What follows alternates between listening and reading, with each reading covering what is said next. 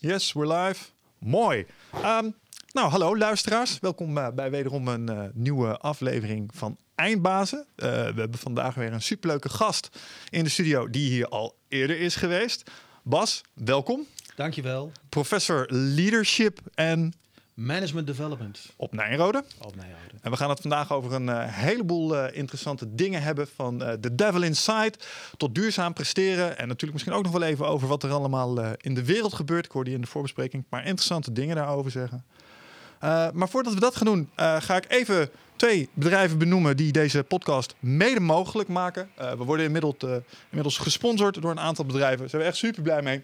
En een van onze sponsoren is Blockboosters een club waar ik vanuit 12 heeft ook samen mee uh, werk momenteel. En uh, wij worstelden met uh, ons Google Ads beleid op het internet. Het is nogal een weerwar van technieken, methoden. En je moet er een, nou, bijna een dagopleiding voor volgen om het helemaal te doorgronden hoe je dat optimaal doet.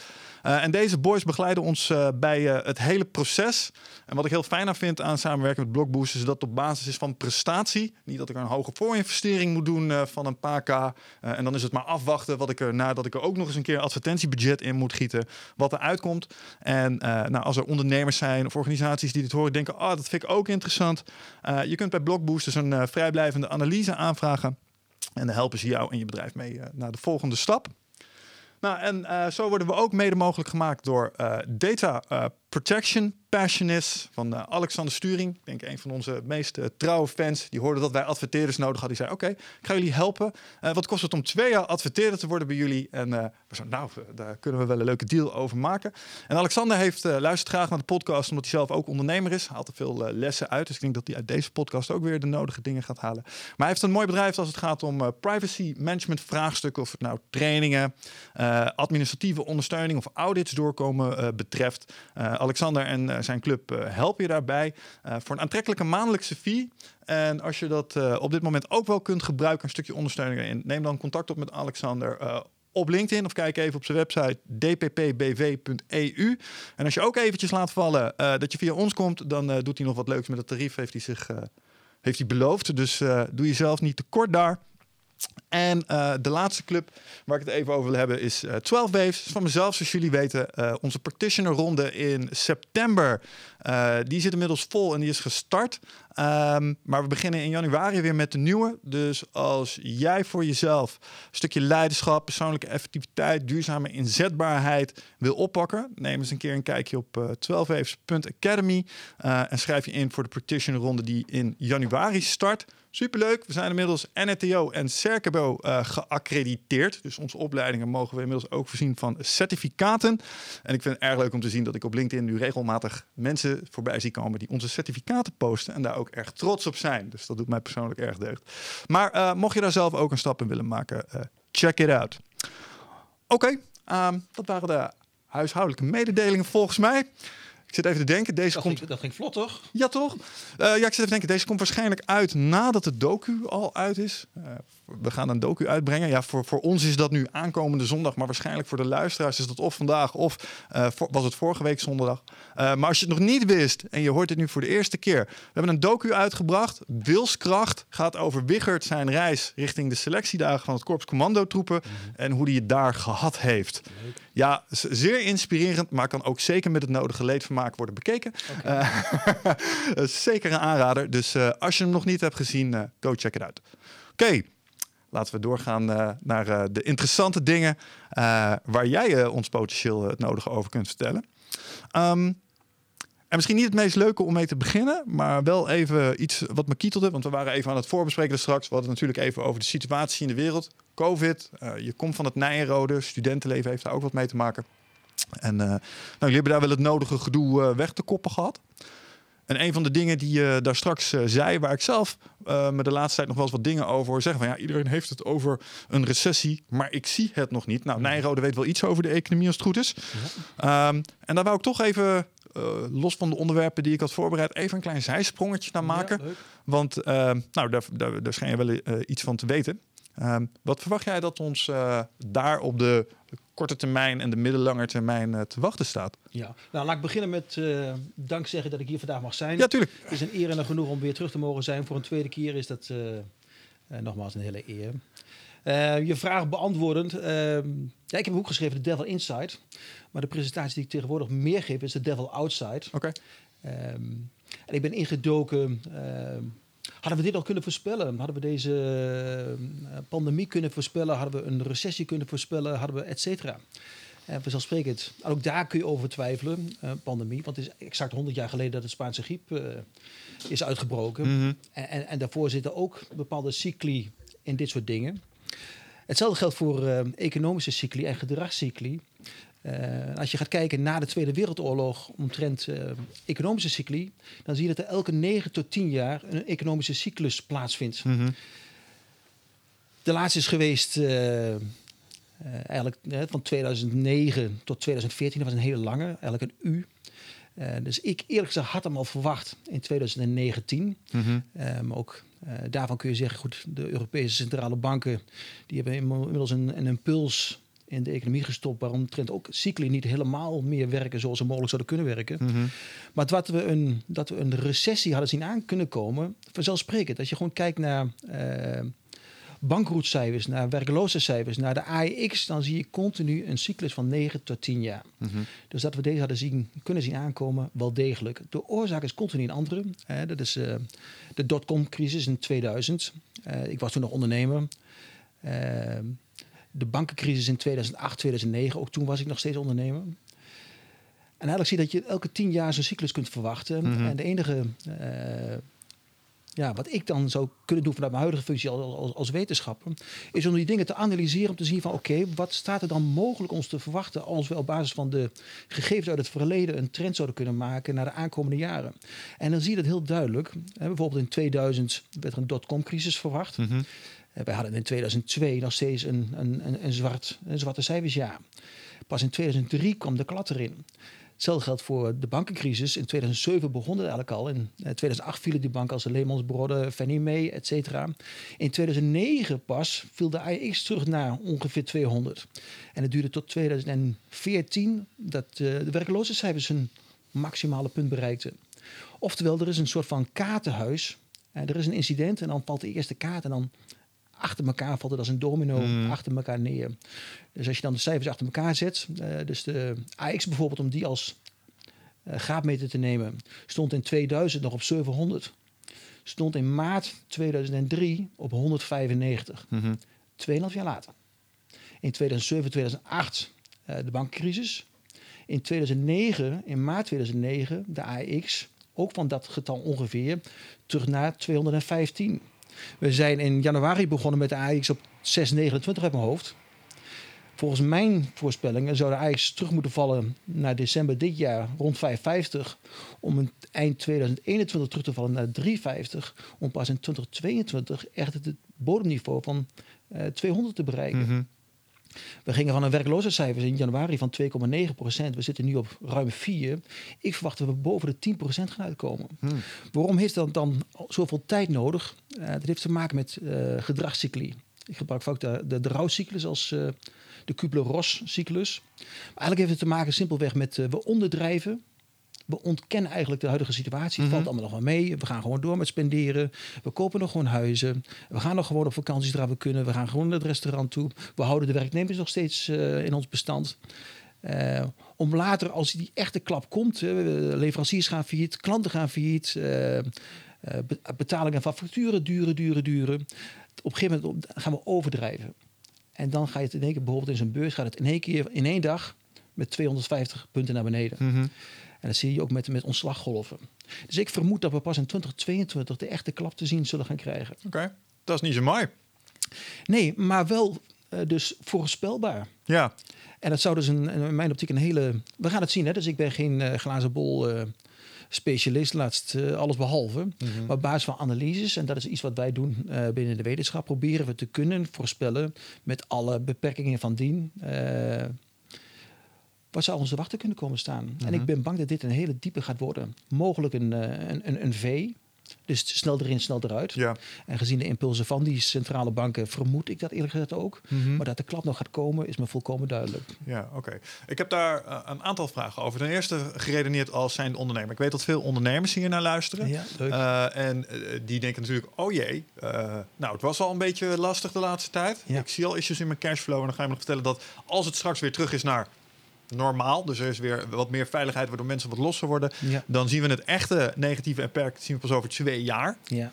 Ehm, dus dat betekent minder opdrachten, inderdaad, langere betalingstermijnen. Dus je cashflow Ja. zal waarschijnlijk stagneren. Ja. Ehm, nou, ik ben ook een zelfstandig ondernemer. Wat adviseer je aan mensen die zich in een dergelijke positie bevinden? Dus ondernemers, wat adviseer je die? Ehm, eigenlijk een aantal dingen. Ehm repareren het dak nu het nog, nog de zon nog schijnt. En ik gebruik daar vaak het. Alles heeft te maken met. eh, we, gingen het, we gaan het ook hebben over wilskracht en over doorzettingsvermogen. Alles heeft te maken met mindset. Zorg ervoor dat je heel snel uit die ontkenningsfase terechtkomt. En doorschakelt in die rouwcyclus naar de acceptatiefase. Dit gaat gewoon gebeuren. Om nu het dak te repareren voordat het, nog, eh, Ja. eh, voordat het te laat is. Om te zeggen hoe fout ik het zelf heb gedaan. Is in 2000 eh, zag ik die, die, die, die recessie binnenkomen. Maar het viel me enorm mee. En ik had alleen maar goede jaren gehad. Alleen maar positieve cijfers eh, laten zien.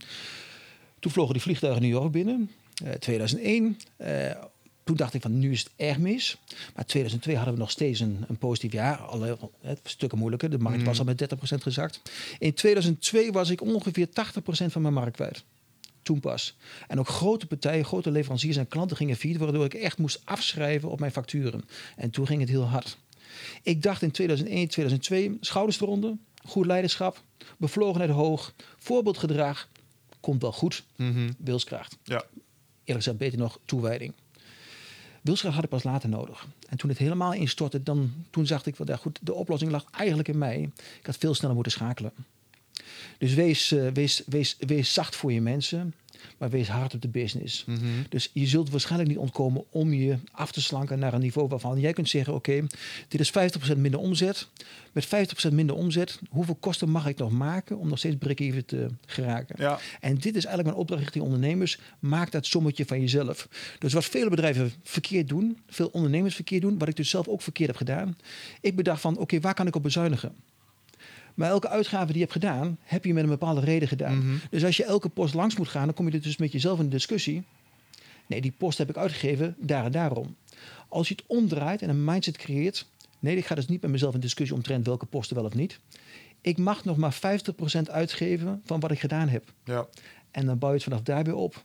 En dan zul je zien dat je niet praat over bezuinigingen, maar eigenlijk om een fundament te houden wat je doet overleven. Ja, je gaat je, je gaat je processen opnieuw analyseren. Je gaat kijken hoe je de waarde kunt leveren met minder effort. Je gaat ervoor zorgen dat je uitgifte of je spil of je, wat het ook maar is, wat je allemaal je kosten omhoog drijft. Daar ga je gewoon eens kritisch naar kijken. En ander- feit dat dat perspectief benadert, is misschien nog niet eens heel slecht dat het sommige bedrijven nu misschien boven het hoofd hangt. Omdat je waarschijnlijk ook gaat constateren dat je al die tijd met veel minder waarschijnlijk hetzelfde had kunnen doen. Wellicht, maar goed, iedereen heeft natuurlijk groei voor ogen. Hè? Dus groei is een bepaalde accelerator van energie. En energie is weer een accelerator voor nieuwe, de, nieuwe mogelijkheden, et cetera. Dus dat we met elkaar allemaal kijken naar kansen en mogelijk ook bedreigingen, maar met name kansen in die, groei, eh, in die groeifase, dat is heel gezond. Ja, krijg je positieve energie van. eh, je hebt zin om dingen weer aan te pakken. Dus stuurt de bevlogenheid op je. Als je continu alles moet afwegen en je komt in een, in een controleachtige omgeving terecht. Ja, dat doet de bevlogenheid ook niet goed. Dat doet Nee. de groei ook niet goed. Dat doet et cetera. Dus dat we met elkaar proberen te groeien. Dat is duidelijk. Alleen dit zijn fasen. Ja. En die levensfase eh, en groeifase. Daarmee hebben we, het, eh, hebben we rekening mee te houden. ja. Hoe zou jij eh, in dat kader kijken? Want ik kan me voorstellen, een van de dingen waar ik me over heb verbaasd zo af en toe, ook in het doen van deze podcast, krijgen we ook wel met ondernemers te maken. En dat is toch ook nog best wel veel onder. En dat, zien, dat spotten zij in de markt, maar een aantal hadden er zelf ook last van. dat hun runway, dus de periode dat ze zichzelf kunnen bedruipen met hun spaarmiddelen, als Ja. zijn er zelfstandig ondernemer zonder een werkgever die je daarin voorziet, Ja. in sommige gevallen maar twee of drie maanden is. Ja. En dat is niet super lang. Nee, ik, ik kan daar wel een algemeen getal op, eh, op hangen. Een gezond bedrijf, een, een supergezond bedrijf, dat 50% solvabel is. Ja. Dus van het totale vermogen is 50% eigen vermogen. Ja.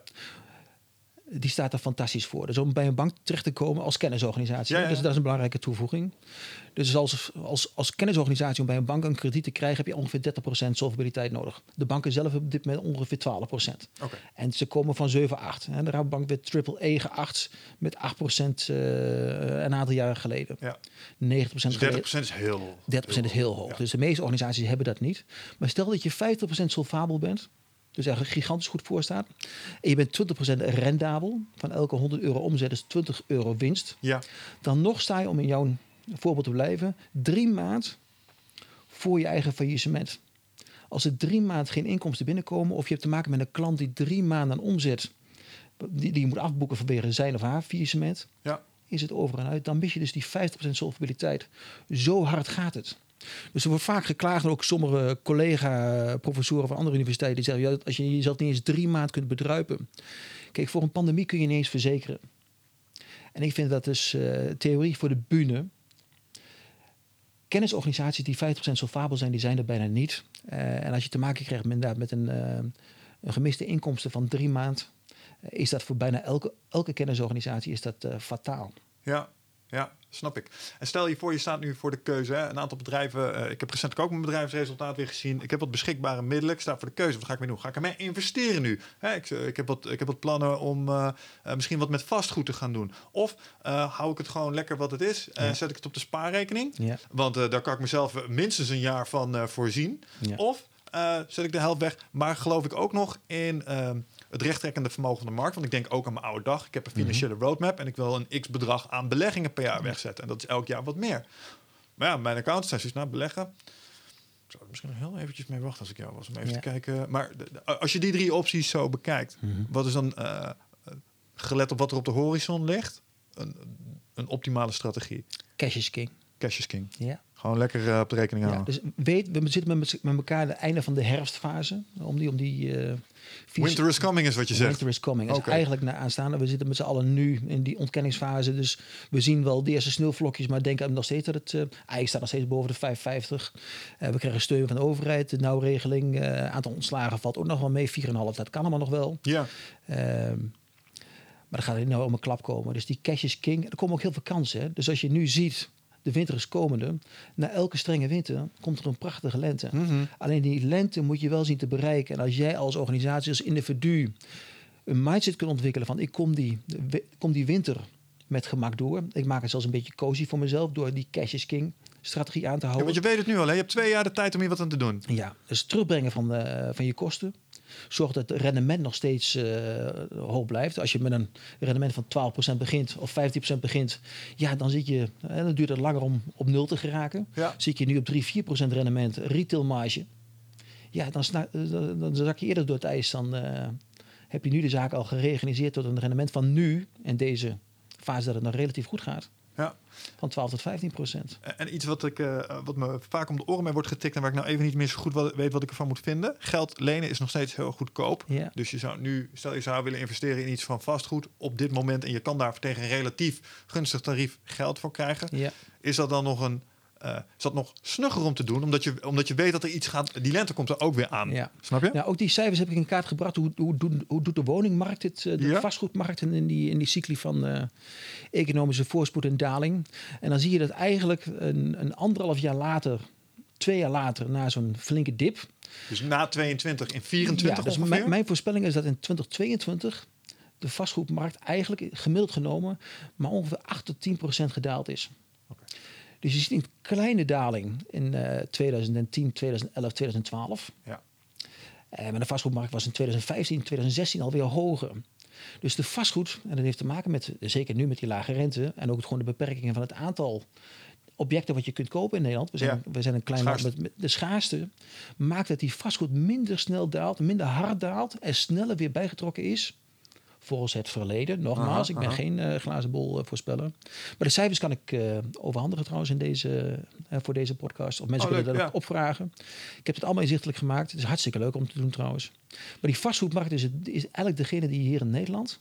maar dat geldt ook voor een aantal Europese landen... het minst beïnvloed, geïnfecteerd raakt door een recessie of zelfs een depressie. Ja.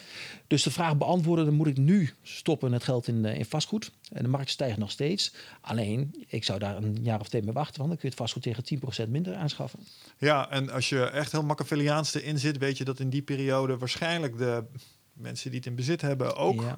eh, meer onder druk staan. Dat Ja. is wel een hele slechte manier van redeneren. Nou ja, maar maar, nou, kijk, in de wetenschap is er geen goed en geen fout. Het nee, is. Het is game theory. Ja, en, en, en in die zin, the winner takes it all. En dat is ook een beetje de paradox waarin we momenteel leven. En, en daar heb ik wel eerlijk gezegd wel een mening over. Maar het geld is nu zo goedkoop. Dus mensen die geld kunnen lenen, kunnen dus op basis van verstandige investeringen, zelfs in slechte tijden, een goed eh, rendement halen. Ja, ja de, de, afweging erbij die ik dan maak van ja, maar de geldlening staat natuurlijk ook wel weer een uitgifte in je cash Ja. tegenover. Ja. Dus je moet zorgen dat die toename in je kosten, want je zei net, maak je kosten leaner. Je, Ja. je, doet- je doet wel een toename in kosten. Maar als het rendement er daarna is, kijk- als je die periode door kunt komen. Kijk, kijk bijvoorbeeld naar huurinkomsten. Dat zal, zal kunnen zijn. Eh, stel dat je een vastgoed koopt in, in Spanje bijvoorbeeld nu. Mhm. Dan kun je tegen 2 tot 2,5 procent, eh, eh, ongeveer 2 derde, in sommige gevallen zelfs 3 vierde, kun je eh, het object aanschaffen. 2 procent eh, rentekosten. En de huurinkomsten, nou, die zijn nu nog steeds hoog. Mhm. Maar dat zometeen ook waar het toerisme het in Spanje terug gaat vallen, is ook duidelijk. Ja, ja, zeker. Maar 2% uitgaven is natuurlijk, renteuitgaven is natuurlijk minimaal. Ja, Dus in die zin is het geld gewoon momenteel veel te goedkoop. historisch gezien zeker. ja. En dat geeft ook aan dat op de, de, de klap moet een keer echt gaan komen. Ja. Alleen verwacht ik die de aankomende eh, decennia. Ik eerlijk gezegd ook niet. Nee. Maar we lenen geld momenteel als water eh, over de hele wereld. Hè. Ja, en wat verwacht je eh, in dat opzicht op de beurs? Zal dat Kijk, beleggen is mij ooit uitgelegd. Kijk naar beleggen in de menselijke geschiedenis. En constateer dat die grafiek altijd van links naar rechts boven gaat. Ja. Maar hij is grillig. Maar hij gaat uiteindelijk altijd Ja. rechts naar boven. Mogen we, die- mogen we die megatrend nog altijd blijven verwachten? Ja. Of is het wel verstandig? Je zegt cash is king. Nou, ik heb Ja. ook wat belegging. Kan ze nu ook terugtrekken. Snap je? He- heb ik gedaan. Ik heb alles eruit gehaald. Oké, Ja, bewust. bewust. Hm, Dus je kunt gokken nu. En dat is een soort van casino. soms leuk om daar nog een theorie op te plakken. Ja, dat er, er, er, er- er blijven spikes komen. En dat zien we dus ook in die, in die cycli van de, van de afgelopen 40 jaar. Eh, Die ijs ging niet in één keer terug naar beneden. Die ging naar beneden en die ging weer een stukje omhoog en die ging weer naar beneden. Dus we komen van 6,29.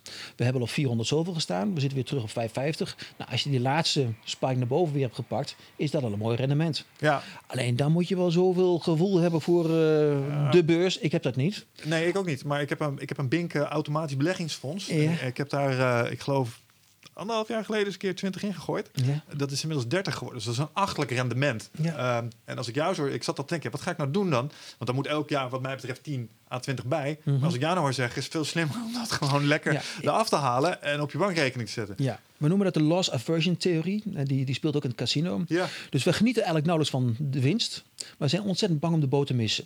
ja. En daarom zie je dus ook eh, op de woningmarkt dat mensen kopen op het slechtste moment.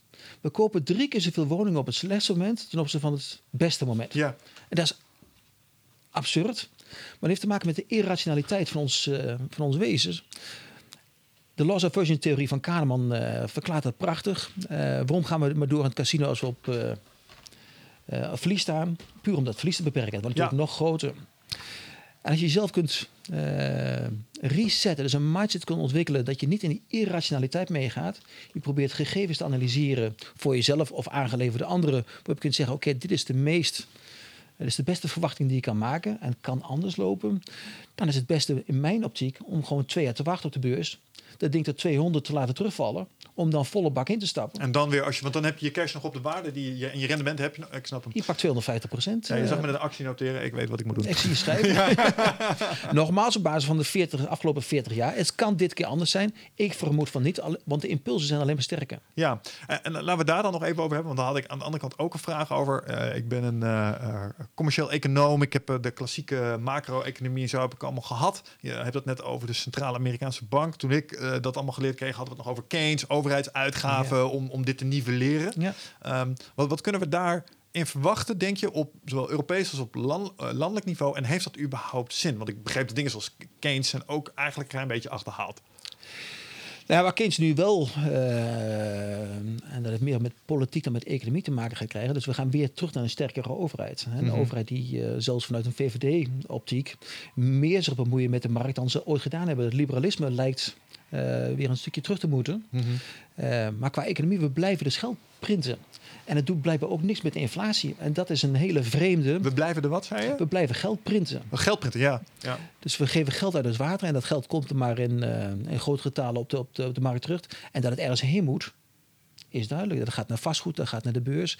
Maar het gaat een keer ondersteboven. Aha. Je kunt niet door blijven gaan.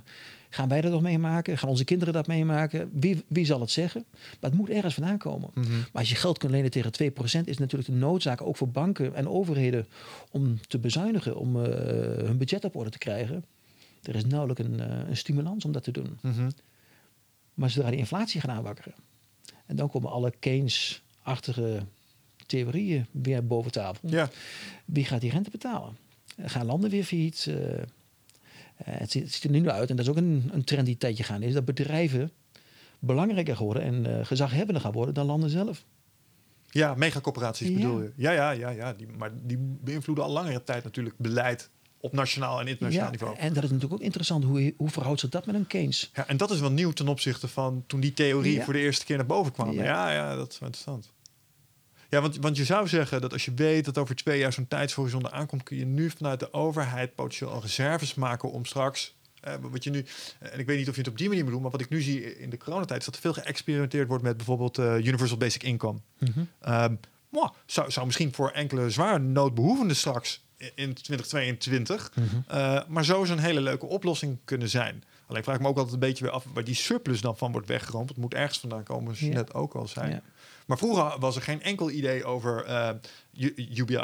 Eh, en dat zou je nu als, als overheid, als instrument potentieel kunnen inzetten om dat iets, eh, dat, dat, dat geleden economische, ja, de, de conjunctuur, Ja. de afvlakking een beetje op te vangen. Of is dat niet handig? Nee, ik, ik, ik probeer me te onthouden van, van politieke statements of eh, inzichten waar ik dan. waar ik vanuit leiderschap en, en managementontwikkeling wel op stuur, is energie, eigenaarschap Mhm. en verbondenheid. En als je die drie elementen ook in jouw suggestie eruit haalt. Dus als mensen alleen maar kunnen eh, dus gesupport worden, worden tot een bepaalde eh, levensonderhoud, waar ze zelf geen energie meer eh, hoeven in te stoppen. Mhm. Waar ze eigenlijk ook geen eigenaarschap meer over hebben. We worden toch gesupport. En eigenlijk de verbondenheid met eh, sociale omgevingen wegvalt. Ja, dan gaat het snel. En Mm. dan eh, vervallen we met elkaar in een bepaald gat van, van presteren, van, eh, van leven. Dat eh, mensen achterover gaan hangen en niet meer potentieel uit zichzelf halen, laat staan in de omgevingen. Is dit, is dit ook geconstateerd op basis van experimenten met UBI? Want ik, ik begreep juist dat, dat in bepaalde gemeentes hebben ze al wat mee gedaan. En mensen gaan niet noodzakelijk alleen maar tv kijken. Nou ja, goed, er zijn natuurlijk, eh, en nogmaals, dan wordt het al behoorlijk politiek. Eh, Sorry. Nee, maar dat, dat, je, dat je moet blijven stimuleren om, om mensen die mogelijk gen- genegen zijn om dat niet zozeer te hebben, of vanuit opvoeding en familiaire waarden ook niet zo gestimuleerd hebben gekregen. eh, om, om al hun talenten te gebruiken, om Mhm. energie te moeten stoppen in een, eh, het verwerven van een inkomen, als ze het aangeleverd krijgen. Eh, en daar zijn allerlei relaties mee te maken, ook op het gebied van gezondheid, eh, Ja. voeding, eh et cetera. Dus ik ben echt, eh, en dan zul je misschien al redelijk stoppen in het liberale hoekje, maar ik ben van energie, eigenaarschap, verbondenheid. En ik hoorde jou in het begin verhaal over het eh, verhaal van Wiegert eh, bij de commando's. Als er Mhm. één ding belangrijk is voor ons allemaal, dan is het doorzetten. Ja. En dat je een veerkracht, eh, eh, wilskracht, een toewijding, eh, uithoudingsvermogen, volhardendheid, allemaal elementen van doorzettingsvermogen ontwikkelt om soms in jezelf te kunnen bedruipen. Je bent ook een voorbeeld voor je kinderen. Je bent ook een voorbeeld voor anderen. En als je zelf achterover kunt hangen omdat het je aangeleverd wordt, dan krijg je dus een bepaalde vorm van, van, van welzijn, Mhm. dat eigenlijk paradoxaal helemaal geen welzijn is. Dat is een soort val. Het is een, een, een, een, een, een, een- voor mij een doemscenario. Eh, mensen achteroverleunen, gaan eh, slechter eten, gaan minder sporten, krijgen aangeleverd, hoeven hun talenten niet te gebruiken, ontwikkelen minder optimisme, ontwikkelen minder eigenwaarde, minder zelfeffectiviteit, minder stressbestendigheid, worden nog afhankelijker. En zo creëer je dus een vicieuze cirkel waarin wij, denk ik, met z'n allen niet terecht moeten komen. Ja, misschien heb ik een, eh, heb ik een, eh, een bias. Omdat ik natuurlijk eh, ook vanuit de podcast en dingen die ik doe, word je door mensen met een bepaalde mindset omringd. En als ik even zo naar, de naar die mensen kijk, denk ik, ja, ik kan ze 2000 euro per maand geven. En denk ze, ah, dat is mooi. Dan kan ik dit, hoef ik dan even niet meer te doen. Dan kan ik me hierop gaan richten. Dan heb ik de handen vrij. En het is niet of ik ga meer sporten of wat dan ook. Ehm, maar ik- wat ik jou eigenlijk wil zeggen is dat, ja, het is misschien geinig, maar dat zal niet voor het gros van de mensen het geval zijn. Exact dat. Nou, het gros, dat weet ik niet. Maar in ieder geval voor een bepaald deel van de mensen. Ja. Kijk, kijk ik in jouw ogen, dan proef ik de energie juist spuwt eh, zin in het leven uit. Maar dat geldt niet voor allemaal. Eh, en, en, en, en, er zit geen enkel etiket op van de eigen schuld. Mhm. Eh, mensen, ook door hun eigen omgeving, opvoeding, et cetera, zijn niet altijd gestimuleerd om het beste uit zichzelf te halen. En wat is er mooier in het leven om het beste uit jezelf te halen? Ja.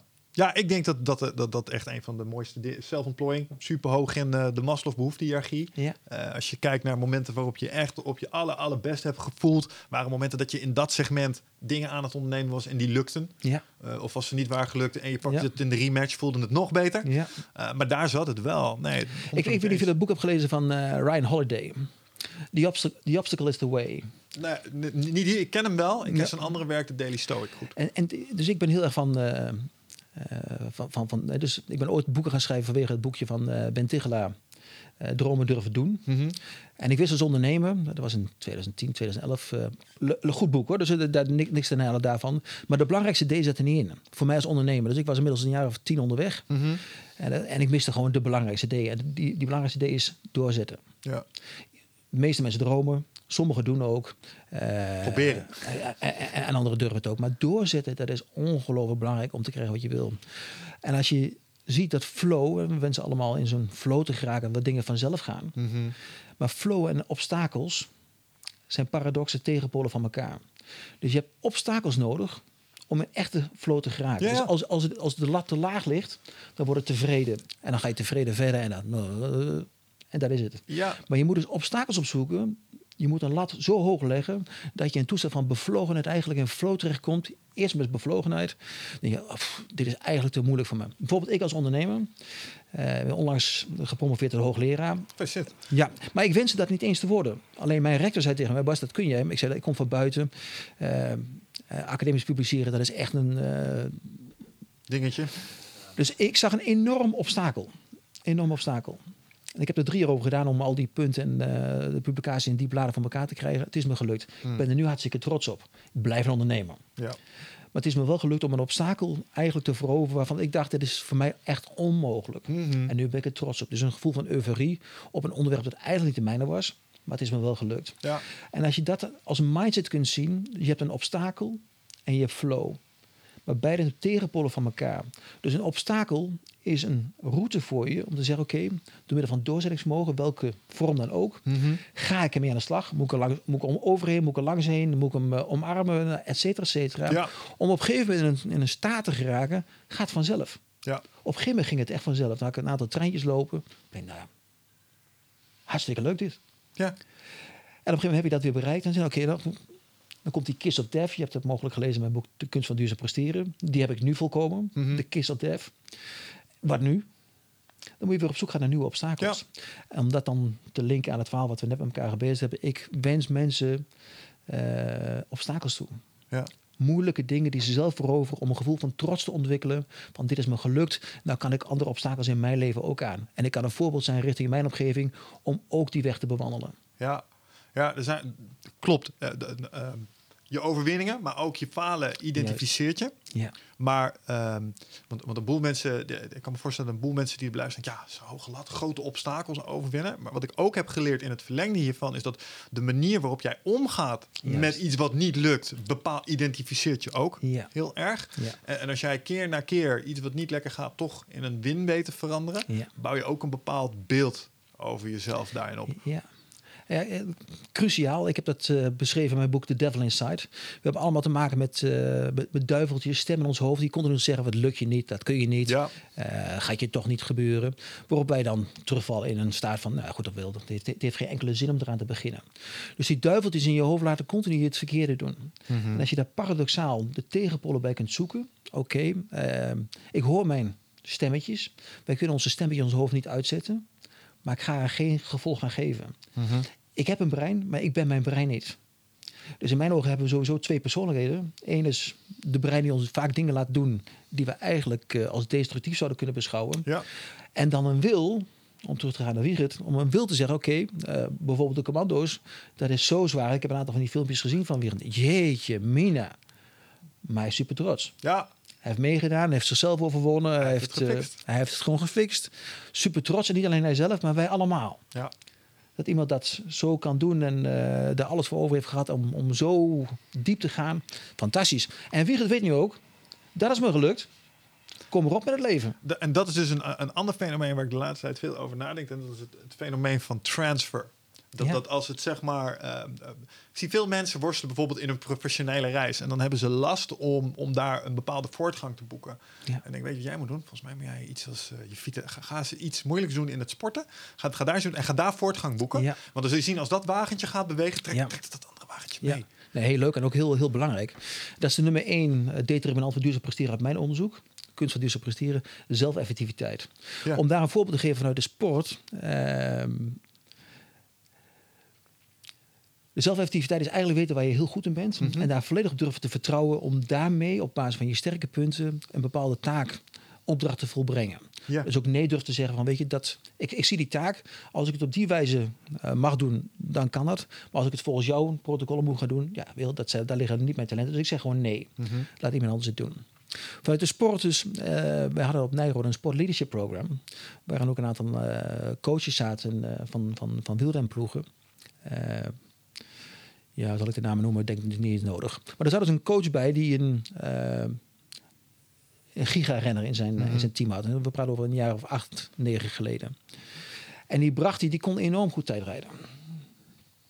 En die uh, volgde dezelfde trainingen en deed dezelfde dingen. Uh, en, en, en, was absoluut een, een acht, toen mm. al. Hij is later getransfereerd naar een andere ploeg. En het is nu een 9,5 tot 10. Onze beste renner, denk ik, in Nederland. Oké. Wat hebben ze gedaan? Ze hebben met name op zijn specialisatie, tijdrijden, gefocust. En door te focussen op, op zijn tijdrijden, is zijn alle andere uh, benodigdheden, uh, bergop, uh, vlakrijden, koersen, uitrijden, et cetera, et cetera, ook verhoogd. Ja, dus stel dat het een 6 was, vergeleken met zijn 8 op tijdrijden, is zijn tijdrijden nu een 9. Maar door zich te focussen op dat tijdrijden, zijn die andere facetten ook een 7,5 tot 8 geworden. Hm. En dan word je in één keer compleet. En dat geldt voor ons ook. Dus als we weten, als je van jezelf weet, van daar liggen mijn krachten. Hè, bijvoorbeeld ondernemerschap. Ja. Ik heb 15 ondernomen. Alles meegemaakt wat je, wat je mee kunt maken. Ik weet hoe ik bepaalde prestatie moet, moet kunnen leveren. Dan kan het dus, om je daarop te focussen, wat kan ik goed? Ik kan goed projecten maken. Ik kan goed uh, van A tot Z, ik kan doorzetten. Mhm. Dan lukt het ook om bijvoorbeeld academisch te kunnen publiceren, omdat ik gewoon een mindset kon ontwikkelen. Oké, dit is absoluut iets wat ik mogelijk maar ik kan wel doorzetten. Ja. En ik kan ook mensen bij elkaar zetten. En ik kan ook een projectteam bij elkaar zetten van mensen die veel beter zijn op bepaalde facetten dan ik op dat academisch publiceren. Maar ik kan ze wel stimuleren. Ja. En ik kan wel zorgen dat zij ook een doelen behalen. Nou, et cetera, et cetera. Ja, dat wat de oplossing is voor een probleem in domein A, is dat vaak ook in domein B. Dus de manier om één tegenstander te verslaan is er eh, op dezelfde om 10.000 te verslaan trap in het kruis werkt redelijk universeel. Eh, als dat de oplossing voor je probleem is. En dat geldt ook hiervoor. En die les had je al geleerd op andere fronten. En die ja. nam je nu mee naar dit specifieke stuk. Ja. En wat er dan bij komt is deliberate practice. Hmm. Dus dat je op één stukje, op één uh, vakgebied, heel veel uren maakt vanuit verschillende invalshoeken. Dus vaak zeggen mensen, ja, goed, uh, we hebben tegenwoordig meer generalisten nodig dan specialisten. Ik ben het er niet mee eens. En vaak is het denkwoord die mensen maken dat je heel veel dingen doet uh, dat maakt je een generalist. Hmm. Maar zodra je heel veel dingen doet binnen een bepaald vakgebied, dan maak je dus de ultieme specialist. Alleen vanuit verschillende invalshoeken bepaal je jouw vakgebied. Ja. En dat doe jij bijvoorbeeld ook. Dat jij maakt uh, een podcast samen met, uh, met Wigert. Jij geeft les, je geeft zo masterclasses, je organiseert events. Alles op het gebied van persoonlijke groei, ondernemerschap, persoonlijke ontwikkeling. En als je dat dan zoveel jaar achter elkaar doet, dan weet je wat er op een gegeven moment wel werkt en wat er ook niet werkt. Mhm. En werkt voor de omgeving, voor je doelgroep, maar ook vanuit je eigen optiek. Jij bent er waarschijnlijk daar beter in en Wigert mogelijk daar beter in. En als je dan de taken verdeelt, dan krijg je dus een team waar iedereen floreert en je dus obstakels overwint. Ja, dat staat aan bij een van de dingen die je had opgeschreven over zelfeffectiviteit. Je, zei, je zegt daar domeinspecifieke kennis is macht. Is macht, ja. En, daar bedoelde je eigenlijk dit mee? Ja, dus stel dat ik nu op basis van uh, statistiek of accountancy of uh, economie mijn lessen zou moeten gaan geven. Ja, ik kan doseren. Ja. Maar ik heb inmiddels 20 jaar ervaring in ondernemersland. Zowel vanuit eigen vakgebied, dus pragmatisch, mm. uh, handen te mouwen en uh, een team gaan sturen, zelf mensen lonisch hebben. En nu vanuit uh, lesgeven, boeken schrijven, et cetera. Alles draait om ondernemerschap, leiderschap, persoonlijke ontwikkeling. Duidelijk. En daar moet ik in blijven. Ja, ja zeg je eigenlijk schoenmaken hou je bij je leest? Ja. ja. En zorg dat je net als Messi, inderdaad zoals jij dat aangaf, die bal continu in het, in het kruistrap bij een vrije trap. Ja, ja, ja, of, ja, of. Ronaldo. Ja, ik bedoelde letterlijk in het kruis in het Ja, nee, kader. dat Maar snap- dat nee, ik snap snap deze ook, ja. Ja. ik ben niet zo'n voetbalfan. ik denk, ik denk dat Ronald Koeman het momenteel anders ervaart, maar eh, Hey, en eh, nog één vraagje met betrekking tot zelfactiviteit, daar had ik bij opschrijven. Eh, je, je hebt het daar over risicomijding. mhm. Wat bedoel je daar? ja, dus dat is ook zo mooi. Dat, dan ga je studeren, dan ga je onderzoeken. Dan blijkt dat het woordje ondernemer risicomijder betekent. De letterlijke vertaling van ondernemer is risicomijder. En dat is, voor mij was het ook een openbaring. Dus als ondernemer was ik altijd bezig om de grens op te zoeken, om te kunnen groeien. Om, eh, Ja. Maar de grootste ondernemers zijn risicomijders. Onder- Dus- ik probeer de etymologie even terug te leiden. Zo van, wat weet ik over het woord onder en over het woord nemer? Waarom dat vanuit, is het, risico- vanuit het Latijn vertaald Oh, oké. Ja. Ja, ja, ja, ja. ja, Ja. ja. Oh, interessant.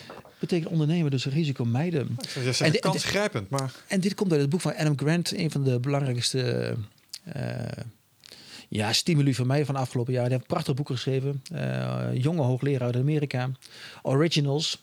Dus hij eh, kwam met het verhaal op de prop als Steve Jobs woonde nog een aantal jaren thuis bij zijn ouders.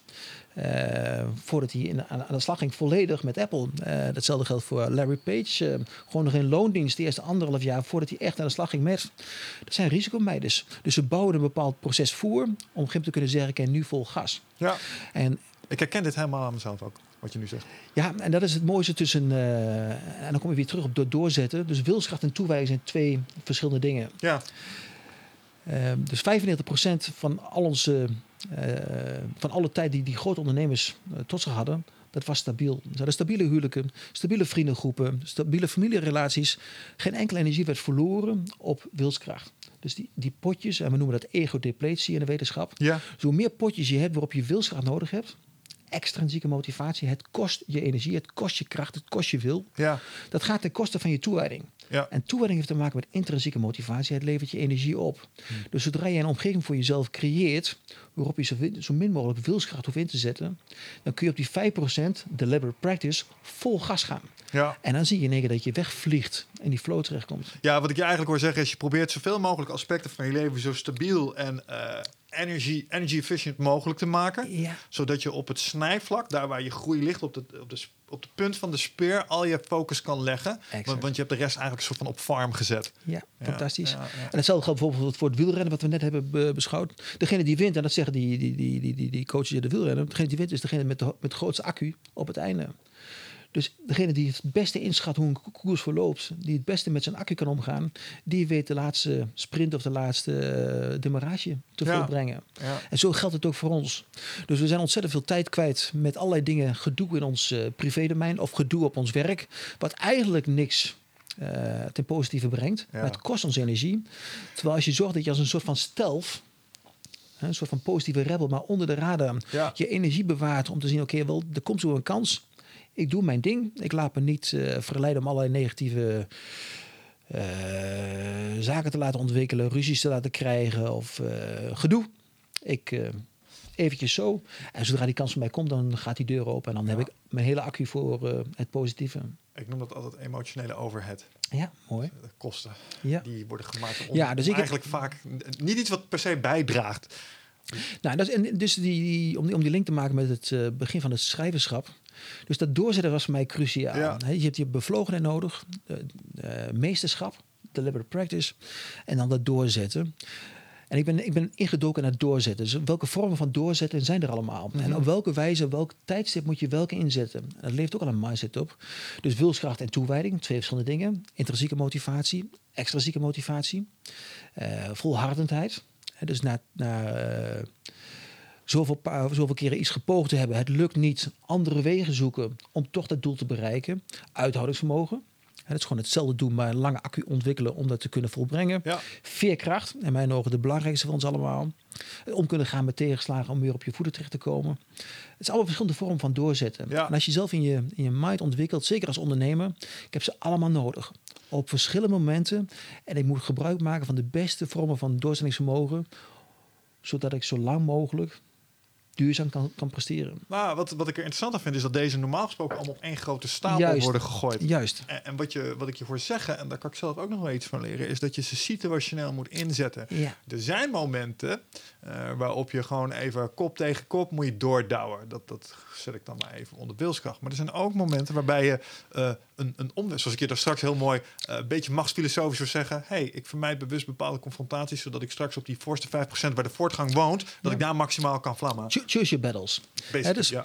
dus, dus wilskracht, dus bijvoorbeeld, eh, ik, ik loop marathons. Ik kan mara- marathons niet op wilskracht lopen. Dat doe ik op uithoudingsvermogen. Ja. Dus ik heb, ik heb voor mezelf te betrachten, oké, als ik een marathon loop, en zeker, ik heb bijvoorbeeld de Chinese muur gedaan.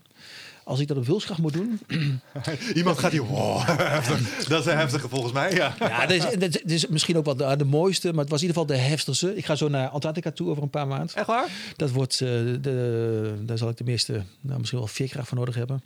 Maar dus bijvoorbeeld, ah, dat is een marathon lopen. Mhm. Dat kun je niet op wilskracht. En zeker niet de Chinese muur. En na een half uur, dus ik was na vijf minuten, ik heb zo'n horloge om, dan zie ik mijn, eh, mijn hartslag. Zal ik zat na- het, het, is, het heeft 5190 trappen. Eh, het, het zit al op 1500 meter. Het is 35 graden. Een luchtvochtigheid van 90% Je gaat helemaal stuk. Mhm. En niet over 6,5 uur, wat het ongeveer kost. Maar na vijf minuten ben je al helemaal stuk. Ja. Nou, Als ik dan op wilsgraag moet doen, dan gebeurt het niet. Nee, dan halen we het niet. Dus je weet dat je het op basis van uithoudingsvermogen moet doen. Nou, en dat is dan de mindset die ik bij mezelf ontwikkel. Oké, wat heb ik nodig om mijn uithoudingsvermogen eh, te versterken? Nou, dat is een kwestie van eh, dat je uren maken van de voeren. En te zorgen dat je goed met je accu omgaat. Dus sommige stukken op de Chinese muur heeft helemaal geen zin om hard te lopen. Moet je gewoon snel wandelen. Op het moment dat je weer naar beneden kunt, dan moet je weer je tempo maken, moet je weer gaan hardlopen. Dus je gebruikt je accu als een soort van systeem. Dus weet wanneer je wat moet aanwenden. Maar je moet jezelf niet overaccelereren, want dan ga je kapot. Wilskracht, ja, dat zijn bepaalde dingen die je eh, minder wenselijk acht. Bijvoorbeeld roken of eh, te veel drinken of et cetera. Mag je mogelijk allemaal graag doen of te veel eten. Dat kost dan wilskracht om dat niet te doen. Ik, heb er, ik heb er wel zin in, maar ik ga het niet doen. Eh, of bijvoorbeeld een, een relatie goed houden waar iets is gebeurd waarvan je weet van, nou goed, wil, er gebeurt overal eens wat. Ja. Maar ik, over, een, over een jaar staat het hele leven er anders, anders voor. Om dan op toewijding weer verder te kunnen. Dus wilskracht heeft te maken met bepaalde aspecten die je minder leuk vindt. Of eigenlijk vindt van jezelf, dan moet ik uitbannen. Maar mijn duiveltje zegt, doe het wel. Ja, ja en dat is nooit gunstig gedrag. En- ja. En ondernemers, hè, dus we gaan soms te maken hebben met veerkracht. Sommige, er gaan soms dingen gebeuren die je nou niet kunt voorspellen. Eh, je komt mogelijk hartstikke ondersteboven te liggen. En weet dat veerkracht, resilience, dan echt nodig is om na zo'n enorme dreun weer op je benen terecht te komen. Ik heb het ook een aantal keren mee mogen, eigenlijk mee mogen maken. Het is een gunst. Je wordt er echt beter van. ja, Veerkracht is de grootste accelerator van persoonlijke groei in mijn optiek. zeer moeilijk om in het moment zelf daar zo die positie Nee, op te nemen. dat Maar eh, nee, ik- Dat is die strenge winter. Ja. Om in die seizoenen te blijven. Maar volhardendheid. eh dus opnieuw, op zoek gaan naar nieuwe wegen om eigenlijk hetzelfde doel te bewerkstelligen. Is bijvoorbeeld in deze tijd een hele belangrijke. Ja. ja, en een van de dingen die je ook in duurzaam presteren benoemt is het eh, aanpassingsvermogen. Ja. Dat, je, dat je hoog moet houden. En je gebruikt een bepaald model voor dat ik, als je het over de KST hebt, dat kende ik van commandant Swillens. Die spreekt ook over VUCA. Ja, Wat, eh, kun je daar iets over zeggen? ja dat is zo'n Engelse term. eh, volatility, uncertainty, nou, et cetera. Eh, en dat is eigenlijk ook gewoon een, een duiding van de, de veranderende wereld. Eh, in moeilijkheid vind ik dat niet zo spannend. Wat ik, wat ik interessanter vond van aanpassingsvermogen... is dat het eigenlijk werkt als een spier. Dus Je ontwikkelt het. Nee, eh, maar het is heel moeilijk te ontwikkelen. Het is een hele korte spier. Dus sommige mensen hebben een hoog niveau van aanpassingsvermogen. Eh, De ondernemers, eh, nou ja. Maar sommige mensen vinden het ontzettend moeilijk. En wat we geleerd hebben uit studies... is dat je aanpassingsvermogen maar enigszins kunt verbeteren. Nou, het is een genetisch bepaald ding. En dat je dus... Ja, het is een vast... Het zit in je karakter. Mhm. En dat kun je niet 1, 2, 3 veranderen. En dus dus sommige mensen, dat grijpt direct naar de keel, want ik moet weer ze nodig. Terwijl ik denk, oh goed, vandaag, is, vandaag is, lijkt weer op gisteren. Ja. Er moet weer wat veranderen, jongens. Eh, ik heb weer zin in iets nieuws. Eh, veel ondernemers zullen dat herkennen. Belangrijk is dat elke artiest een podium nodig heeft. Dus weet van jezelf in welke mate eh, hang ik aan aanpassingsvermogen. Welke mate heb ik het? Welke mate zou ik het kunnen ontwikkelen? Welk podium moet ik zoeken? Waarom is een podium belangrijk daarvoor? Omdat je je beste talenten op het juiste podium wil laten accelereren Ja, en, laten, Ja, ja, en, laten zien. Dus stel dat iemand met een hoog aanpassingsvermogen bij een, eh, als ambtenaar aan de slag moet gaan, omdat daar een eh, vacature ligt na, of midden in een recessie, ja, die zal best nog. Ik, ik kom hier niet uit de verf, het lukt me niet. Mensen gaan ook zien dat iemand onrustig is, eh vinden het gedoe. Mhm. eh, eh, gaan er allerlei labeltjes aan plakken die helemaal niet bij de persoon in kwestie passen. Maar puur omdat hij zijn aanpassingsvermogen niet kwijt kan in die omgeving. Andersom ook.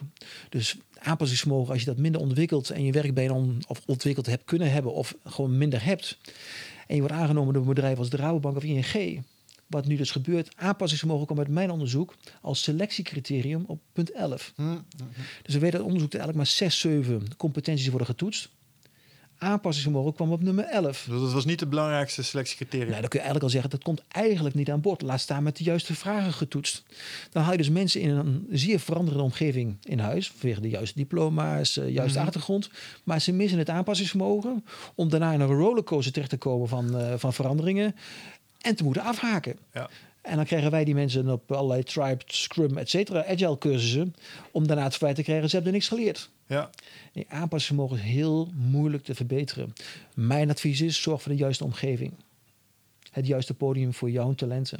Ja, oké. En als aanpassingsvermogen zo belangrijk is voor jou als organisatie, selecteer mensen dan ook met een hoog aanpassingsvermogen. De vragenlijsten zitten achter in het boek. Dus met tien vragen kun je aanpassingsvermogen toetsen. Ja. Met dieptevragen. Maar om mensen niet aan te nemen op aanpassingsvermogen in een veranderende omgeving, vind ik echt eh, ongelooflijk disrespectvol. ja, want je doet ze wat aan. Je Eigenlijk. doet ze echt wat aan. Ja, ja want En- dat, en dat, als je het hebt over je identificeren met je falen, bijvoorbeeld. Ja. Als je daar op die manier moet constateren dat je niet fit. Ja, mensen krijgen dus verwijten die hen niet gemaakt hadden kunnen worden. Eh, ze hebben eigenlijk een eigen taak van selecteur eh, niet goed ingevuld.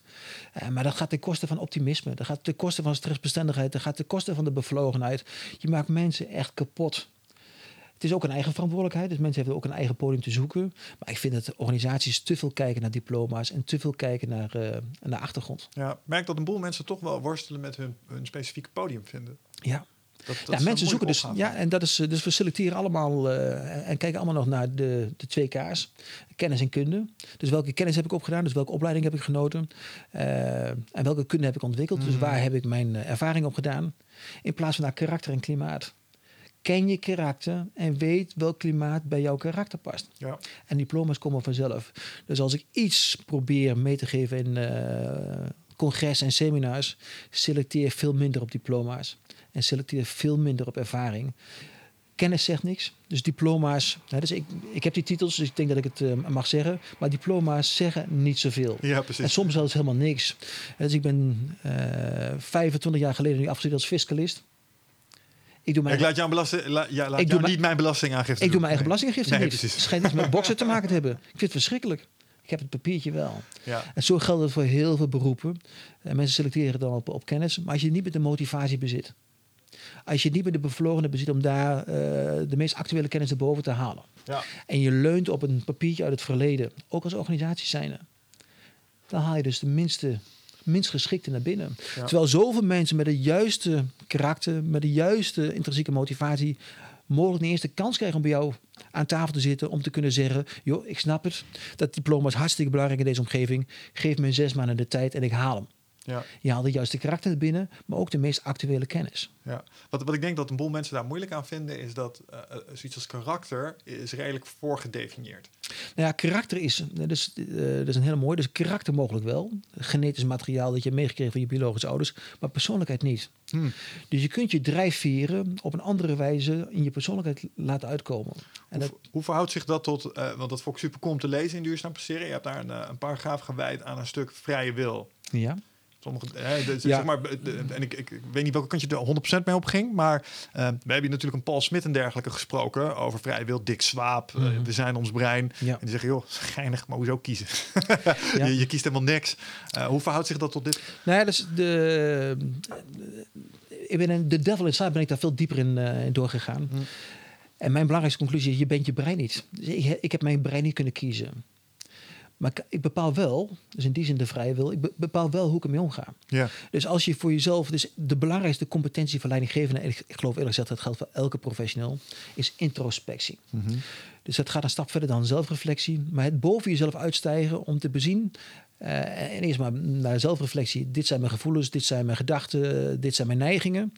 Om dan vanuit introspectie buiten jezelf te geraken. Om te zien wat jouw gevoelens, je gedachten, je gedragingen doen binnen een bepaald systeem. Hmm, dat is Welke- één- en nog net één treetje hoger. Een aggregatieniveau hoger. Ja. Om eigenlijk buiten jezelf te treden van... oké, als ik mezelf nu als derde persoon zie in die omgeving... met mijn gevoelens, met mijn gedachten, et cetera... wat doet het met een ander? Hoe kom ik over? En ik gebruik dat bijvoorbeeld in The Devil Inside. Dus we hebben allemaal last van hoofdzonden. Eh, we hebben allemaal last van een bepaalde mate van ijdelheid, van wellust, van jaloezie, eh, van wraak, eh, hebzucht, et cetera. Ik heb, ze, ik heb op een katholieke school gezeten. Ik heb ze allemaal voorbij zien komen tijdens catechese. Exact, exact. En, ons, en vanuit onze opvoeding werd altijd gezegd, die zijn, het zijn niet voor niks hoofdzonden. Je moet ze niet hebben, laat staan, laten zien. Maar hoofdzonden hebben ook een bepaalde functie. Hè, dus zonder ijdelheid schrijf je geen boek. Ja. en, en, en, zonder ijdelheid ga je niet bij de commando's jezelf... Of achter de microfoon zitten om te slim te doen, ja. Dus ijdelheid heeft een bepaalde functie. Ja. Maar ook ijdelheid heeft dus een paradox, een tegenpool. En die ligt dan bij ijdelheid en bescheidenheid. Ja. Dus stel dat je te maken hebt met een karakter. Dat die heb, die heb ik bijvoorbeeld uh, in Enneagram. Dus mijn karakter ligt min of meer vast. Uh, dus in Enneagram type 3 ben ik, de prestatiegerichte doener. En daar, daar, komt een hoofdzonde bij kijken van ijdelheid. Ja. dus je wilt, gaat van piketpaaltje naar piketpaaltje. En elk wat je wil laten zien, kijk mij eens. En dat is je grootste valkuil. Ja. En als je dan weet van, oké, ik heb dit karakter, dat kan veel voor me betekenen. Maar ik moet het bij mezelf houden. Ik moet me bescheiden opstellen. Dan laat je dus een persoonlijkheid zien van bescheidenheid, terwijl je een karakter hebt van ijdelheid. En dat is die vrije wil wat mij betreft. Ja, ja. En, het, en zo kun je met al die hoofdzonden, stel dat je enorme uh, hebzucht hebt of een vraatzucht.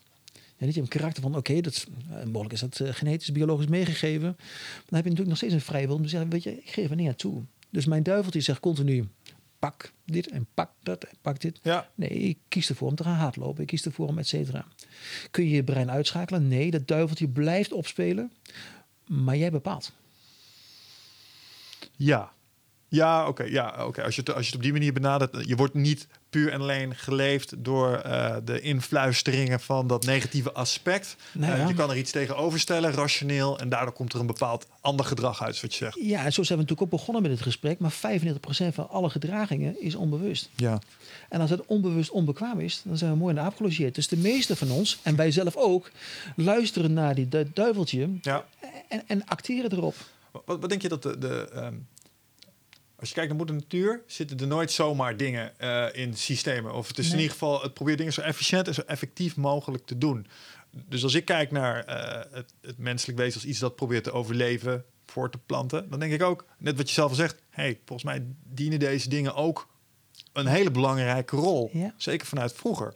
Alleen we zitten nu in een situatie waarbij er een, een soort laagje vernis, en dat noemen we dan goed fatsoen. Fantastisch verteld. Ja. Overheen ligt, waardoor we het een beetje ja. moeten verbloemen. Ja. Alleen als ik 100% eerlijk ben, en we hebben het bijvoorbeeld over ijdelheid, iets wat mij ook niet vreemd is, of uh, woede, iets wat mij ook niet vreemd is, Mooi. Dan, dan merk ik ook dat dat ding wel echt super filijn is. Want ik heb ook geprobeerd van, nou oké, dan heb je zo'n podcast en dan, uh, dan doe je bescheiden. Uh, dan probeer je hè, met, op, op, allerlei manieren. Maar ergens weet je ook, als je bepaalde dingen op een bepaalde manier zegt, daar heb ik het met Wicht ook wel eens over gehad, mm -hmm. dan zit er een bepaalde ondertiteling in. Dus die tegenpol van ijdelheid, die ga ik ja. dan laten zien. Ja. Die ga ik tegelijkertijd ook etaleren. Ja. En ik weet dat op het moment dat ik dat doe, dat ik positiever word beoordeeld. Ja. En dan denk ik, maar valt het dan niet weer in een van de categorieën aan de overkant? Nee, en dat is het mooie. Dus, vaak wordt gezegd, je moet in balans zijn. Ja. Wij zijn nooit in balans. We zijn aan het balanceren.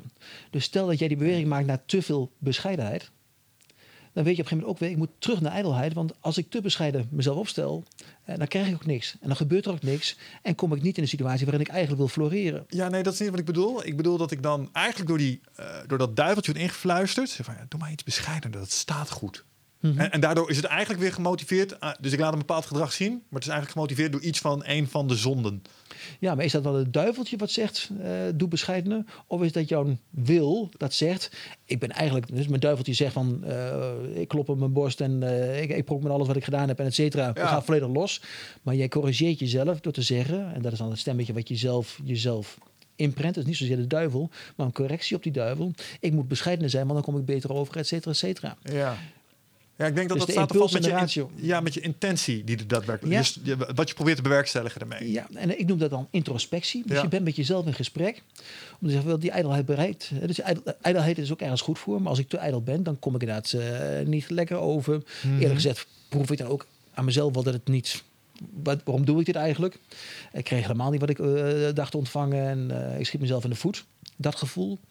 Maar eigenlijk is dat gewoon introspectie waarop je zelf tegen jezelf zegt van weet je, ik kan gewoon niet intuïtief helemaal losgaan op mijn eerste impuls, namelijk ijdelheid. Pronkerig gedrag, bosklopperij. Mhm. Mm -hmm. Ik moet mezelf corrigeren. Maar op een gegeven moment jezelf weer tegen jezelf zegt van goed, als ik me te bescheiden opstel, ja weet je, dat is compleet niet authentiek, zo ben ik ook niet. Dus dan maak je eigenlijk alweer de draai terug naar richting weer wat meer ijdelheid. Dus je bent aan het balanceren met jezelf. Ja, je experimenteert er ook mee. Je krijgt natuurlijk ook feedback. Op basis daarvan probeer je Ja. ook weer... De belangrijkste opdracht die, die ik vind richting mezelf, en hè, als ik dan iets mag verhalen in, eh, in seminars, wees mild voor jezelf. Hm. We hebben er allemaal last van. Maar zodra je dus goed met je stemmetjes kan omgaan en je weet goed te balanceren tussen die twee tegenpolen, die allebei belangrijk voor je zijn, dan weet je, ik ben nooit in balans. Maar er zit energie naar links of er zit energie naar rechts. En dat is juist wat ik probeer te ontvangen. Ja, ja dat, dat, dat mild voor je zijn. eh, en ik vind, ik vind dat lastig. Maar iets wat ik me de laatste tijd heel erg realiseer, inderdaad, is dat iedereen ehm, heeft er last van. Ja. En, iets wat bijvoorbeeld bij mij, ik ben recentelijk 41 gevonden, waar ik veel aan moet terugdenken, is van hoe was mijn vader op zijn 41ste? Ja. Zo had hij dezelfde dingen, onzekerheden al- als ik nu? Ja. Liet hij helemaal niet zien, man. Heb ik geen moment aan hem gemerkt. Maar eh, ik kom wel van, dus er zal wel een soort overlap in zitten. En da- daar moest ik de laatste tijd vaak aan denken. Toen dacht ik, ja, ik- denk dat hij dat dan ook had. Maar de, truc is dus, iedereen heeft dat waarschijnlijk. En misschien in andere vormen. Nou ja, dus ook dus, eh, je persoonlijkheid, dus niet zozeer je karakter, maar je persoonlijkheid eh, wisselt ook. Niet zozeer eh, volledige wisseling, maar verandert ook. Ja. Gewoon in generatie. eh, je komt in een, een, een nieuwe, nieuwe levensfase terecht. Je wordt ook milder. Dus eh, volgens mij richting 90% wordt gewoon milder volwassenen. Ja, ik denk, dat dat, ik denk dat dat te maken heeft met een drop in je testosteronniveau. Het heeft er ook mee te maken. Ja. Heeft er ook mee te maken. Ik ben een aantal weken geleden 50 geworden. Ik ben compleet anders dan vijf jaar geleden. Ja, ja, Mijn ja. karakter zit nog steeds eh, ongeveer hetzelfde in elkaar. Dus nog steeds eh, de drang om dingen te doen. En, eh, Uh, Voor mij dan eventjes, als iemand die er tien jaar vooruit leeft voor mij. Als ik nu terugkijk op 30-jarige Michel, denk ik, jezus, wat een broekie. Heb jij dat nu als je terugkijkt op 40-jarige jij? Ja, ik, ik kan er tegenwoordig om lachen. Ook de dingen die ik heb gedaan en ook alle flauwekul, et cetera. Ja. Het heeft allemaal een doel gehad. De enige wat, wat altijd is gebleven, het is altijd bevlogen geweest. Maar het ging eh, van links naar rechts. Ja. En, eh, en moeilijk is dat ik er nu blij om ben dat ik zoveel fouten heb mogen maken. Dat ik zoveel eh, plezier heb gehad, zoveel Ja. onderbroeken lol heb gekend. Ja, dat is in deze fase natuurlijk gewoon anders.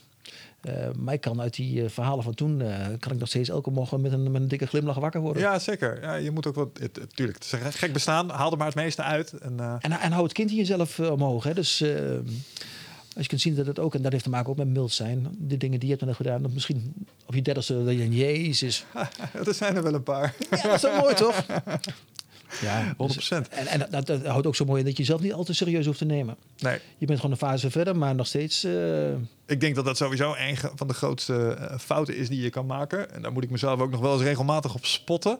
Ehm, maar jezelf serieus nemen. ja, De, de beste, de- de- ik weet niet wie dat ooit een keer zei, maar dat blijft me altijd een beetje bij. De beste shaman herken je aan zijn lach. Zo van, die lachen om alles. Die nemen het niet serieus. Ja. Oh ja, heb je veel, veel, veel. Komt wel goed, jong. Weet je Ja. wel, een beetje dat idee. en dat is ook weer met te maken met dan eh, eh, de eerste eh, suggestie die ik mocht doen in dit programma. De, een van de tips. Die ontspannen inspanning. Ja. Dus mensen die op het hoogste niveau kunnen presteren, weten dan ook die ontspannen inspanning van zichzelf te realiseren. En humor is daar een hele mooie bij. Ja. Dus zodra je humor komt binnenlaten, dan eh, is die ontspannenheid al snel. En ook de ontspannenheid bij je omgeving er snel. En dan kun je ook die prestatie met elkaar nastreven. Waarom vind je die ontspannenheid zo belangrijk? Als het verbeterd wordt. eh, Krampachtig bedoel je? ja, dus eh, en, en welke vorm van, van presteren ook. Zodra het krampachtig wordt, hou je het eventjes vol. Dat één. Mensen zien ook dat het niet eh, eh, volledig bij je past. Je er heel veel moeite voor moet doen om het te krijgen. Ik gebruik vaak het voorbeeld met, met sprinten. Mhm. Waarom wint een Usain Bolt in 12 jaar tijd, in, sorry, in 12 jaar tijd, negen keer goud. Hij moeten terugleveren omdat een van zijn teamleden eh, doping heeft gebruikt. Mhm. Maar deze man die mag één keer in de vier jaar op drie disciplines, de moeilijkste disciplines van eh, Olympisch, eh, Olympische Spelen, in 10 tot 20 seconden zijn kunstje vertonen. De hele wereld kijkt. Hè, dus miljarden mensen kijken over de wereld. Ik ging samen met mijn zoon s'nachts uit bed om vier uur om 10 seconden Usain Bolt te zien. Ja. Deze man weet dat, de hele wereld kijkt naar me. Heeft dan 10 seconden de, de kans om Olympisch goud te pakken. En pakt ze alle negen. Mhm. Hoe doe je dat? En als je dan gaat kijken van hoe ontspannen hij loopt. Dus als je op de 100 meter of de 200 meter sprint maar één spiertje vast hebt zitten vanwege de spanning. Dan word je geen tweede, word je geen derde, word je ook zelfs geen vijfde. Ja. Dan kom je 14e tekort bij de laatste van het spelveld. Die ontspannenheid in jezelf brengen op het moment dat het echt toe doet, dat is de grote crux. Ja. Dat, dat is trouwens overigens even een klein zijsprongetje. Eh, als je het hebt over de KST, Wicht en ik hebben ons allebei geprobeerd daarop voor te bereiden. Ik kreeg een blessure, maar ik ben nog wel steeds heel fanatiek aan het hardlopen. Mhm. En dat is maar eventjes echt eh, een wereld geweest die ik niet had verwacht, die nu voor me open gaat. Ik ben nu bezig met techniekloopjes en zo. Had ik niet, ik dacht lopen is gewoon lopen. Je probeert het een tijd vol te houden, je doet harder je best. Blijkt nou, wil je beter leren hardlopen, moet je zachter lopen. Ja. Moet je ineens druk gaan maken om hoeveel stapjes je per minuut zet en dat soort dingen. Eh, je houding doet ertoe. Ik had allemaal geen idee, jongen. Deliberate practice. ja, en dat ik hoor je hier ook weer zeggen, als maar één spiertje dus blijkbaar Ja. anders zit, dan heeft dat zo'n effect op je output. Ja. Ja, Voor mij is dat het belangrijkste. Een van de, de dingen die ik voor mezelf betracht. Om elke keer als ik moet leveren. Is vaak heel kort. Hè? Dat is een Hmm. uur. Nou, jij zit in hetzelfde vakgebied. Soms hoeven mij maar drie kwartier te staan. Soms zelfs maar twintig minuten Ja, om je kunstje te doen. En soms zijn er colleges van drie uur. Er gebeurt nog van alles. En je hebt eh, vergaderingen, je hebt allerlei dingen. Maar om dan in die 20 minuten tot drie uur een ontspannen inspanningshouding te, te realiseren, dat is ontzettend moeilijk. Dan moet je dus eigenlijk alles kunnen loslaten. Ja, En dat is je grootste opdracht. en dat Het lukt. gaat dus niet om, om, om, om kwantiteit, het gaat om intensiteit. En die ontspannen inspanning laat zien dat je met die intensiteit prachtig kunt omgaan. Ja, maar ik geloof wel dat kwantiteit een belangrijke is om er te komen. Want de, de momenten dat ik in die staat sta, als ik zelf voor de groep sta, zeg maar, ik zit helemaal in mijn flow, ik zit erin. Dat is altijd met de stukken die ik al 5 miljoen keer heb gedaan. Exact dat.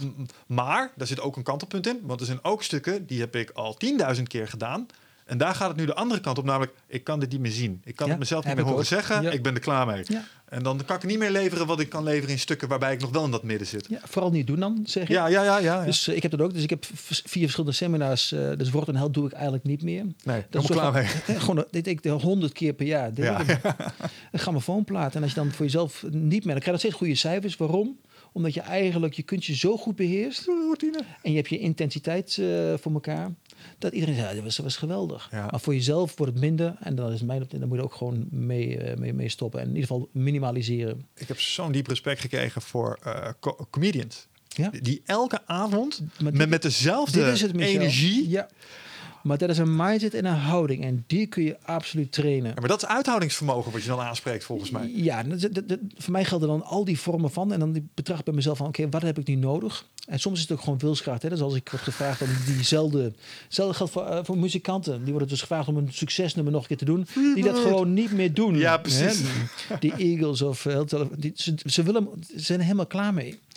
Maar Ja. iedereen wil juist dat nummer horen in plaats van de nieuwe nummers die ze hebben geschreven. Ja, dan kun je zeggen, nou goed, is dat dan toewijding? Ik denk dat dat ook gewoon een stukje is van, van eh, maar gewoon doen en eh wilskracht. Ja. Het kost me energie, maar ik doe het voor mijn publiek. eh. Klinkt zo makkelijk als je dat zegt. Hè? Wilskracht. Even een beetje wilskracht betrachten, jongens. Weet je wel, ja, was het maar zo simpel. Want, want alles wat je, wat je echt wil hebben, li- ligt vaak verstopt achter een uitgifte van een stukje discipline. Dus als je kijkt naar wat is discipline? Iets doen waar je geen zin in hebt, een beetje bang voor bent, of eh, wat eh potentieel andere enge dingen voor je introduceert. ja, Dat toch doen ja, is. eh daar krijg je alles voor wat je wil. ja. Maar, maar toch zie je een heleboel mensen. Ik geef mensen lessen in persoonlijke effectiviteit. Ik kan jou leren hoe je je grootste droom helemaal terugbrengt. Tot de eerste uitgifte van vijf minuten die je echt geen pijn doet. Ja. En toch doe je het niet. Nee. En daarom kan ik helemaal niks met discipline.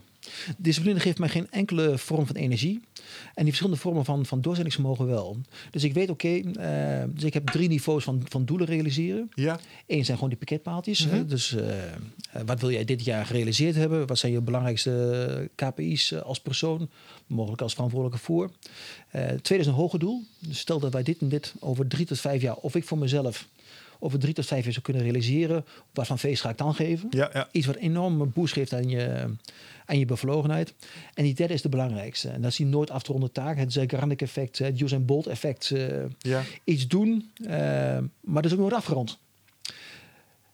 Is dat wat het Zeigarnik effect is? Ja, het Zeigarnik effect is eigenlijk onbewust bekwaam zijn. Ja. Dus zorg dat je die, die ontspannen inspanning hebt, omdat je weet, ik heb iets zo vaak geoefend. Ik ben er helemaal klaar voor. Ik weet ook dat het daar niet mee eindigt. Hè, dus ik ben, ik ben bijvoorbeeld de hoogleraar geworden. Nou, dan krijg je die kids op dev. Wat nu? Ja, in de wetenschap is dat de hoogste functie. eh, wat nu? Mhm. Ja, en dan krijg je dus een, een soort van klap voor je hoofd. Net zoals ik promoveerde. Dan heb ik de hoogste diploma. Ik heb nooit zo'n kaarten gehad. Het was een prachtig feest, dus dat was mijn hoge doel. Als Ja. ik dat toch eens realiseerde als ondernemer om te kunnen promoveren, hoe geweldig zou dat zijn? Nou, ik heb een prachtig feest gegeven. Maar ik had een dubbele kater. Ja, je Eén vanwege de champagne en twee van, en nu? Feitelijk eh, een postprestatiedepressie. Ja, nou zo kun je het noemen. Ik noem het de kiss of death. Ja. Hetzelfde geldt voor professionals. Als je- Als je een promotie ontvangt, dan denk je van, wel gaaf, ik heb een pro- Maar je wordt nooit afgerekend op iets wat je geleverd hebt, maar op de verwachtingen dat je iets gaat leveren wat er van je verwacht wordt. En je moet dus langs die kiss of death van een promotie of een nieuwe functie, et cetera, wat een geweldig applaus voor mezelf. Nee, dit is jouw obstakel. Ja. Jij moet hier langs, je moet weer terug in die flow. Nou, om die flow weer te kunnen bereiken, daar gebruik ik dan een Zeigarnik effect voor. In ieder geval een purpose ontwikkelen. Ja. Een nooit af te ronden doel. Ja, op Nijrode is die Our Reward for Life. Zijn we nooit meer klaar. Moet altijd getoetst worden. Van talenten helden maken. Dus mijn functie in dit domein eigenlijk, mijn leven, mijn opdracht is om iedereen die hoog energieke leidernemende doelen te laten zijn. En sommige mensen kan ik wel bereiken, sommige mensen kan ik niet bereiken. En dat doe ik via het ene boek of via het ene seminar. Maar uiteindelijk is dat mijn enige opdracht. Neem leiding over je leven. Ga vooral doen. We hebben heel veel denkers, eh, heel veel dromers. Ja. Maar ga vooral doen. En als je kan helpen met bepaalde modellen, theorieën of eh, een stukje inspiratie. Dit is waar ik mijn energie uit haal. En dan moet je ontspannen proberen te doen. Zodra het verbeterd wordt of... Te, Ja, dan wordt- evangelistisch. dan wordt het lelijk. En op een gegeven moment knapt die spier ook. Hè?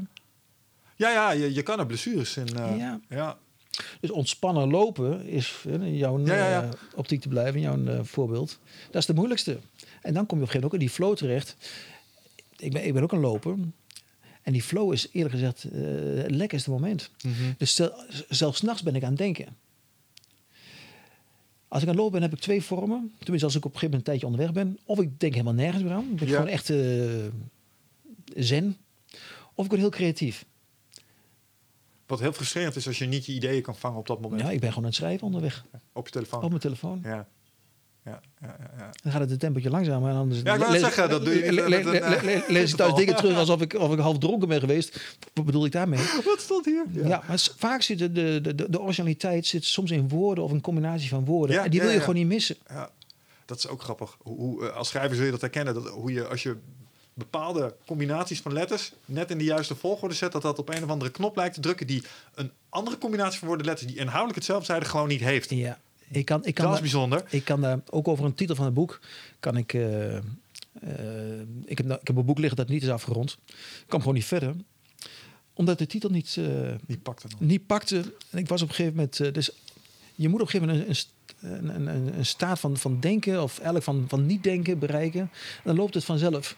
Ja. Maar dat is, dat is lastig. Soms kun je het ook gewoon niet afdwingen. Nee. Wat je wel kunt doen, en ik noem dat dan liever geen discipline, want dan, dan, dan is gewoon dat ik, oké, waar wat, wat mag ik graag doen?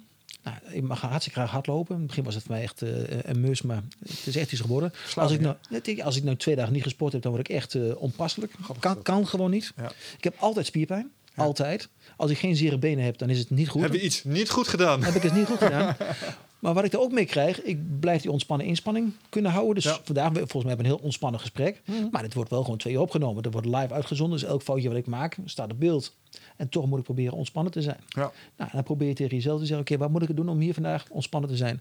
Ik ga zo meteen een podium op. Er staan zoveel mensen. Hoe ga ik ervoor zorgen dat ik vanaf het eerste moment die ontspannen inspanning bewerkstellig? Ja. Nou, hoe doe je dat? Om je, om je staat van mind eh, te trainen. Ja. Je hebt middag genoeg geoefend. Eén. Ik heb zere benen. Dat is twee. Ik heb net hard gelopen. Is drie. Ik heb goed gegeten. Ik heb een flesje water bij me. Ik heb altijd dezelfde kleren aan. Ja. Nu ook. Dus je zult me altijd in dezelfde kleren zien. Uniform. Uniform. Trek je uniform. Ik heb deze kleren nooit aan privé. Nee. Maar als je ze aan hebt, is het game time. Game time. Ja, ja, ja. Ja. ja. Oh, interessant. Ja, leuk. Ehm, ik, ik heb nog een vraag over de titel, want daar zei je er straks iets over. Dat wil ik even niet vergeten. Maar ik heb nog één vraag over eh, een, eh, je purpose denken, zeg maar. Ja. Eh, Als een soort overkoepelende doellaag eh, waarop, je, waarop je denkt. Ja, dat is een hele belangrijke. Ja, moeten die altijd... eh, want ik, ik, heb, ik denk er zelf ook graag over na. Het concept eh, Purpose-Driven Leadership, Ikigai. Ja. Eh, wat, wat kenmerkt is van het Ikigai... is dat er ook het component wat de wereld nodig heeft Ja. aan vastzit. Hoe cruciaal is dat component wat jou betreft? Eh, kijk, dan, dan wordt het alweer een soort van commissieachtige eh, doelen denken. Het gevaar van, van doelen denken is dat je ze realiseert. Dus wat heeft de wereld nodig? ja. Ja, dus, dus een, een, een- doel, bijvoorbeeld ook een, een bierhack, dat zit ook in diezelfde categorie. Ja, ik, ik hou niet van bierhack. Voor de mensen die niet weten, Big Harry Audacious Big Harry. Audacious Goal. Dus mijn Big Harry Audacious Goal was als voormalig ondernemer om, de, de, om full professor te worden. Hm. Dat, ga ik toch niet realiseren. Was inmiddels gelukt, toch? Dat is inmiddels gelukt. Ja. En dan krijg je die Kiss of Death. hè. Dus er ligt ook een, ook een dikke, dikke nadeel op. En moet ik zeggen, ik heb niks aan die titels. Dus ik moet me vooral onderscheiden door middel van mijn eh, ervaring uit het verleden. Daar Ja, hebben ja, mensen ja. gedaan. Mensen hebben niks aan mijn titels. Ik gebruik ze zelf ook niet. Maar wat is het gevaar van doelen eh, zetten? Is dat je ze kunt realiseren. Dus het gevaar van doelen zetten is niet dat je ze niet realiseert. Dat geeft in ieder geval de hang op welke vorm Ja. van, van doorzettingsvermogen dan ook, om na te streven, energie. Maar een Big Harry deze goal kun je gewoon halen. En wat dan? ja. En, dan komt die Kiss of Death weer terecht. Ja, ja, ja. Dus, het, dus, het, een, dus een, een doel, dat is niet eens zozeer een doel, is voor mij dat is een, gewoon een purpose. Dat boven die Big Harry deze goal of zo'n Ikigai hangt, is een nooit af te ronden taak. Ja. Een purpose. En ik heb die purpose gedefinieerd. Om een, om een goede purpose te definiëren voor jezelf, moet je eigenlijk vier elementen eh, eh, nastreven. Eén, om dan een beetje toch in die Ikigai te blijven. Het gaat altijd over de ander, maar het resoneert terug. Ja, ja, ja, ja, ja. Dus- ik snap wat je zegt. Ja. En dat laatste mis ik dan in die Ikigai. Dus het gaat het over de ander. Nee, het resoneert terug. Dus a reward for life. Bijvoorbeeld van Nijrode of van talenten helder maken. Dus mijn doel is om van talenten helder maken. Maar ik kan het niet aanbieden als ik er zelf niet ben. Nee. Dus om een hoog energieke leidnemende doener te kunnen laten worden bij een ander, zal ik toch eerst zelf moeten zijn. Ja. Dus het geeft een bepaalde houding waardoor ik zelf bevlogener ben. Ja. Waardoor ik zelf fitter moet zijn. Ik kan niet, niet komen met een, met, een, met een dikke buik of... eh, Ben je een uitdaging? Ja, ik snap Nee, dus hier moet je zelf, dat moet je zelf nastreven. Nou, een, goede, een goede purpose bestaat dus tussen de twee en, en zeven woorden. Niet meer. Hij is geactiveerd. Dat is een belangrijke. Hoe bedoel je dat? Eh, het moet een beweging in zich hebben. En dat is, vaak is die mooier om, om makkelijker om te maken in, in het Engels. Dan Ja. kun je die inkvorm gebruiken. Ja, heb ik ook. Ehm, maar zodra die, die activatie er niet in zit, dan doet hij niks. Ehm, Dingen klinken sowieso beter in het Engels. Ja, de meeste dingen wel. Maar dan zie je dus dat, dat heel veel organisaties nog steeds een, een missie en een visie statement hebben. Ja, Wat voor zeker de jonge professionals helemaal niks doet. Laat staan hun uh, bevlogenheid verbetert. En het grootste gevaar is ook nog een keer uh, of je kunt ze behalen. Hè? Dus uh, missie wil willen de beste, de goedkoopste, de meest innovatieve, et cetera. Nou, dan krijg je die prijs. Of dan heb je dat doel behaald het jaar. En wat nu? Ja. En, en, een visie, ja, een visie. Als je tegenwoordig een visie hebt over jouw markt, jouw sector, dan ben je bijna zo'n glazen bol. Uh, ja, want het valt toch niet te voorspellen. Nee, kijk naar afgelopen Ja. februari. Ja. Nederland stond er fantastisch voor. Ja, vorig jaar In- rond deze tijd had ik hele andere plannen. In maart was het anders. Ja, ja herkenbaar. Dus je kunt, als je een, een goede purpose hebt, dan kun je dus je hoe en je wat heel goed veranderen. Mm. Siedek noemt dat de why. Uh, ja, een purpose heeft dus een aantal elementen in zich die uh, draaien om de ander, Ja, maar het resoneert terug. ja, dat was één en je had er vier. Ja, dus het tussen de twee en, uh, en vier woorden. Uh, geactiveerd. het draait om de ander. Ja, resoneert terug. Oké. En, en hoe verhoudt zich dit tot iets wat je ook aanhaalt? Het, het, stuk vaar je eigen koers van Bill Gergel? Dus, uh, George? Ja, George. Bill ja, George. Je, je innerlijk kompas. Ja. Een stukje True of North vinden. Ja, nou, dat zit dus in dezelfde, dezelfde hoek. Dus weet op een gegeven moment uh, waar jij van bent. Ja. En, en, en, welke opdracht je jezelf mogelijk... Dus als je hoger in een, in een hoger bestaan... Welke opdracht jij jezelf mogelijk opgelegd hebt... of uh, het systeem jou opgelegd heeft gelegd. Waarvoor ben je hier? Oh, dat is een interessante. Ja, maar je zult zien zodra je, dus om voorbeeld voor mezelf te geven. Dus toen ik net begon met mijn onderneming, ik had een recruitmentbureau. Dus ik was hoofdhypotheker bij een bankverzekeraar. Ja. Uh, ik kon niet zo goed in, in, een hiërarchie werken. Laat staan dat ik elke dag om half negen op kantoor moest uh, arriveren om zes uur te mogen. Hmm. Ik, ik kon dat niet. Dus ik wist van, ik word hier heel ongelukkig van. Toen begon ik met een uh, recruitmentbureau vanuit mijn eigen woonkamer. En ik kreeg de eerste mensen gewoon aan mijn, aan mijn, aan mijn tafel. Ja. Bankiers uh, die ik kon begeleiden naar richting een andere baan. Maar goed, mijn netwerk was dan niet zo groot. We werkten dan met de faxen. Uh, en na een maand of drie had ik dan de eerste bemiddeld naar een andere job binnen dezelfde sector. Ik kreeg een telefoontje. Ik, de, de man-vrouw in kwestie kwam nog een keer langs, kreeg een bos bloemen. Ja. En het ging gewoon een jaar zo door. Na twee jaar had ik al een man of 25 aan het werk over diverse vestigingen. En het werd al een fabriekje. Ja. Dat heb ik 14, 15 jaar volgehouden. Mijn lol was op een gegeven moment echt er volkomen vanaf. Ja. Alles was cijfers, alles was uh, bijna statistiek, uh, confessie, uitgaven, inkomsten. Mensen zag ik eigenlijk nauwelijks meer, behalve mijn eigen team. Mm -hmm. En, en mijn, mijn, mijn gedrevenheid was volkomen weg. Op een gegeven moment ben ik uh, die wetenschap in gegaan. Dus ik ben gepromoveerd vanuit ondernemerschap gedacht, dit is eigenlijk hartstikke leuk om met gelijkgestemden ja. over persoonlijke groei, ondernemerschap te, te kletsen. Ze hebben me gevraagd om voor MBA-groepen uh, les te gaan geven. En ik merkte aan mezelf dat ik eigenlijk aan het doen was wat ik ook deed in mijn eerste jaar als ondernemer. Ik kon dus mensen individueel begeleiden in een nieuwe fase in hun leven. En niet zozeer om een nieuwe job te verkrijgen, maar wel in bijvoorbeeld een diploma of een andere mindset of uh, Ja, ja, ja. een nieuw geval. En eigenlijk wist ik toen, toen ik voor mezelf bezig was met het Zeigarnik effect en, en, en purpose ontwikkelen. Ik was toen bezig om van talenten helder te maken. Alleen door middel van een nieuwe job. Ja, ja, ja, ja. En nu doe ik het door middel van een nieuwe mindset of een diploma of eh, een, een, een nieuwe fase in hun leven. ja. Dus die purpose was eigenlijk toen ook al dezelfde. Alleen mijn hoe en mijn wat Ja, waren de- anders. De vorm kan over de loop der tijd Ja. veranderen. En ik, Juist. ik nodig dus mensen uit, en dat, geldt voor mensen op Nijrode, maar ook daarbuiten. En zelfs grote eh, mensen in, eh, in, in de sportwereld. Om jouw eigen purpose te achterhalen. Want eigenlijk leeft hij al in je. Je hoeft alleen maar te achterhalen. Ja. Je hoeft hem dus niet te ontwikkelen. Zodra je moet ontwikkelen, zul je zien dat hij niet klopt. Maar je moet terug naar jezelf. Welke momenten in mijn carrière gaven mij euforie, gaven mij trots. En dan terug naar die vier elementen. Het ging over de ander, maar het gaf mij een heel goed gevoel. Ja. Ja, ik vind dat interessant. Want, eh, Vooral dat, dat innerlijke kompas. Ik denk dat iedereen, eh, iedereen het ook heeft. Ja. Ehm, wat, ik, wat ik leuk vind aan jouw methode is, jij, jij zet ook in op helden. Voor jou is het een afkorting voor, wat was het ook weer? De hoog energieke, leidingnemende, leidingnemende, Leidingnemende, Ja. gevende, ja oké. Doener. Doener, check. Ja, Ja, omdat ehm, ik denk namelijk dat iedereen eh, een, bepaald, eh, een bepaalde conditionering heeft. Een kompas eh, vanuit storytelling. ja. Du- ja. Dus wij, wij hebben zoveel films, verhalen, boeken, games gespeeld... dat wij eigenlijk stiekem altijd al wel weten... wat, wat de juiste handeling is in een Ja. bepaalde... een soort moreel kompas wat je kunt Ja. gebruiken. Dus oké, ik eh, voel me op een bepaalde manier. Ik ben niet blij met mijn job. Ik heb een moeilijke relatie met mijn baas. Ehm, wat is nou de juiste handeling om te doen? Nou ja, als het een film zou zijn... zou je in ieder geval niet nog jaren door blijven ploeteren op deze manier... op Mhm. de bank zitten, eten, RTL Z kijken... Mhm. je niet gelukkig voelen. Als het Ja. een vet verhaal was ja, dan ging er iets gebeuren. Ja. Namelijk puntje, puntje, puntje. En wat dat dan is, is voor iedereen anders. Ja. Maar we weten het stiekem al lang. ja. En, wat ik interessant vind aan wat Bill George zei, is dat iedereen heeft dus zo'n innerlijk kompas. En iedereen weet stiekem intuïtief ook wel een beetje waar zijn true north ligt. Ja, en dus, da- daarom voor mij eh, introspectie de belangrijkste competentie van leidinggevenden Ja. en, eh, en, en professionals. Dus als je niet op zoek gaat naar je, naar je, naar je innerlijk verhaal, als je niet op zoek gaat naar wat de momenten dat je het echt eh, blij had, dat je het goed had, en niet zozeer qua materiële zaken, maar eh, eh, jouw, jouw gedrag en jouw, jouw functie binnen een bepaald systeem, dan kom je dus nooit naar storyteller toe, want je weet je eigen verhaal niet. Laat staan dat je er op zoek gaat. Dus introspectie is eigenlijk een opdracht. Daarom heb ik filosofie in uh, de Devon ook een stukje gegeven. Vroeger werden wij, en dan heel vroeger, de Grieken en de Romeinen, filosofie was hun basisscholing. Wij gebruiken tegenwoordig allerlei vakken als wiskunde, Engels.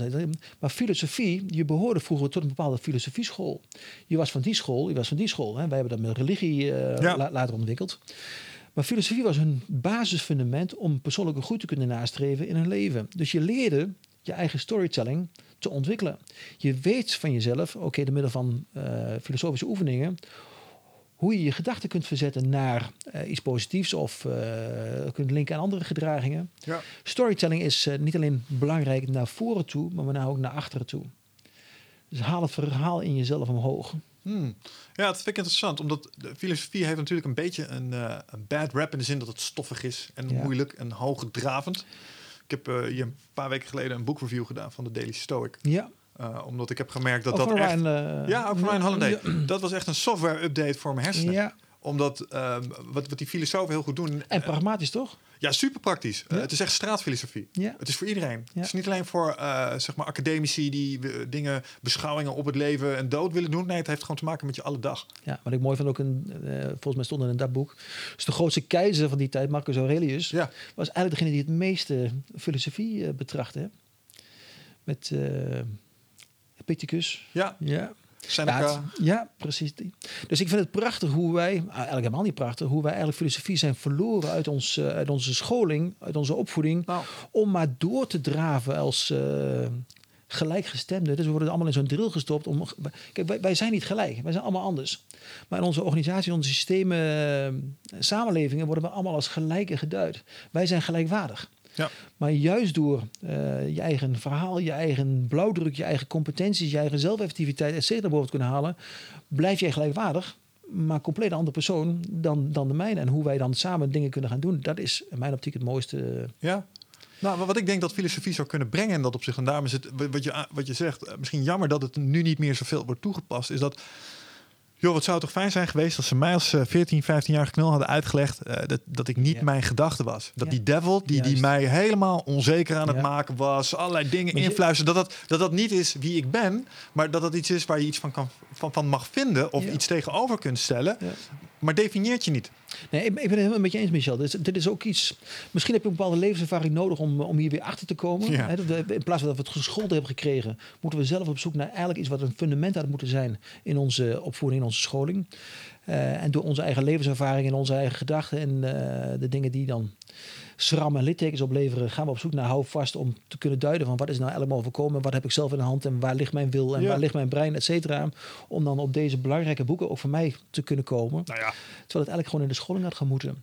En wat ik ook in het verhaal om uh, gelijkheid en gelijkwaardigheid Ehm, dus we worden zo geschoold op onze linker hersenhelft. Mm Alles wat te maken heeft met lineair denken, systemisch denken, uh, A naar B, et cetera.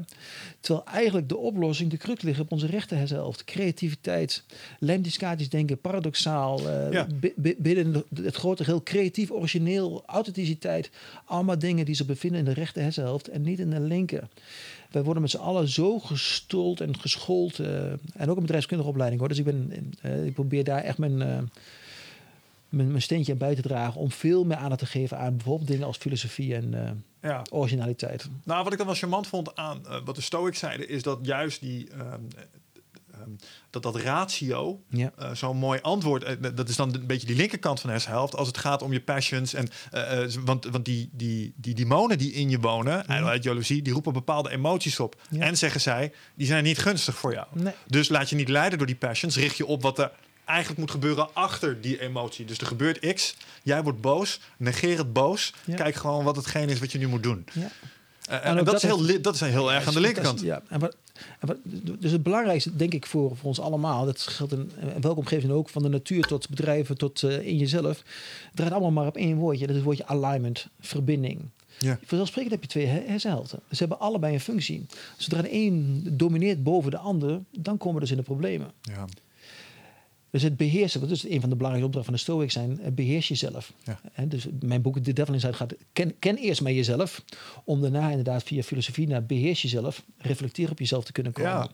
Wat, wat is trouwens, uh, want je zei het er straks, ik had hem hier ook opgeschreven, wat is lemniscatisch denken? Lemniscatisch denken is denken tegenpolen. Oké. En niet zozeer aan tegenstellingen, en dat is weer wat we met z'n allen geleerd hebben. Dus er zijn drie niveaus van, van, van denken. Eén is lineair denken, van A naar B, uh, goed, slecht, dat soort dingen. Dan heb je systemisch denken. Uh, als ik mijn gedrag bijvoorbeeld verander in een bepaald systeem, dan verandert het systeem hopelijk in de gewenste richting mee. Ja. Lemniscatisch denken is denken tegenpolen. Dus uh, de grootste zekerheid is je onzekerheid. Ja. Uh, je kunt geen geluk ervaren, geen ultiem geluk ervaren als je nooit ongeluk hebt gekend. Ja. Dus als je weet, hè, dus de, ik heb ze geschakeld bijvoorbeeld met, met hoofdzonden, ruimte ontstaat door haar kaders. Hoe zei dat? Ruimte ontstaat door haar kaders. Ja, ja, ja. Zonder kaders geen ruimte. Als je dit denkt in tegenpolen, in plaats van tegenstellingen, dan weet je dat ze beide nodig zijn om die energie, het liggend achtje, het lemniscaat, te volbrengen. Dus we zijn nooit in balans, we zijn aan het balanceren. Dus als jij wraak kunt plaatsen ten opzichte van vergiffenis, dan weet je dat je, oké, okay, ik heb gewoon gevoelens van wraak momenteel. Er is niet meer overkomen. Maar de oplossingsrichting ligt in de tegenpool van wraak. Wat is dan de tegenpool van wraak? Hey, dat is vergiffenis. Dus om de ander te vergeven, vergeef ik eigenlijk mezelf. Ja, oh, ja, ja. Dus ze denken in, in tegenpolen, dat is een, uh, ook daar hebben we uh, opleidingen voor. Lemniscatische school, uh, volgens mij zelfs een academische opleiding daarvoor. Maar Lemniscatisch denken heeft mij enorm veel gedrag. Het leven bestaat uit paradoxen. In plaats van de tegenstellingen, paradoxen. En als je die paradoxen ziet, dan zie je eigenlijk, bijvoorbeeld op triggers, dus iets triggert ons en daarom gaan we af. Ja. Nou, de triggers die ik benoem is angst, ego en een teveel empathie. De meeste leidinggevers stappen in zodra ze moeten uitstappen, stappen uit zodra ze moeten instappen. Omdat ze hun triggers niet beheersen. Dus als je angst ontwikkelt, ja. hebben we de neiging om uit te stappen. Ja. Dan is het cruciaal om in te stappen. Zodra je ego afgaat, hebben we de neiging om in te stappen. Ja uitstappen. Juist, juist, juist. Zodra je wordt aangesproken, zeker als leidinggevende, op empathie, stap uit. Grappig, want dat, dat is tegen intuïtief. Dus dan moet je, dan moet je non-stop in de metapositie zitten om te zien wat je aan het doen bent. En dan kom ik weer uit bij de stoic. Beheers jezelf. Ja. Dus dit is eigenlijk rationeel ingrijpen op basis van je gevoelens en je gedachten op rechts.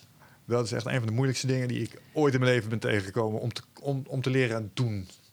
Ja, maar als je dat systeem ziet, dan is het eigenlijk een spel. Nee, 100, 100%. Ja. En het instappen en het uitstappen, dat doe ik veel in, eh, in lezingen. Mensen zien het ook.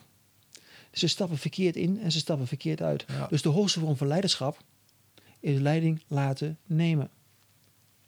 Ook de moeilijkste. ja, in tegenstelling tot leiding geven, want je corrigeerde me daar straks al. Ja, ja, ja, ja, ja. Dus je geeft leiding door leiding te laten nemen.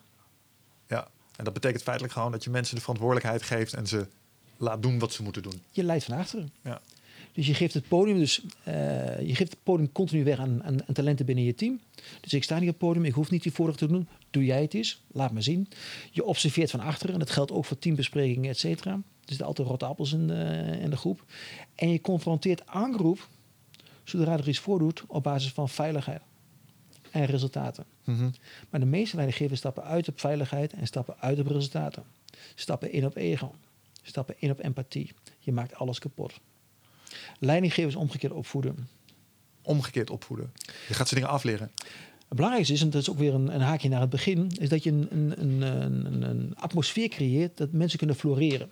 Dat ze de veiligheid ervaren om, ze, om hun nek te mogen uitsteken, dat ze zelf effectief zijn, dat ze genoeg eigenwaarde hebben om dingen te doen die eigenlijk mogelijk te moeilijk voor ze zijn. Mhm. Maar dat ze weten, van, nou goed, als ik me daarop mag richten en die talenten kan aanwenden, dan zou ik het mogelijk toch voor elkaar krijgen. Ja.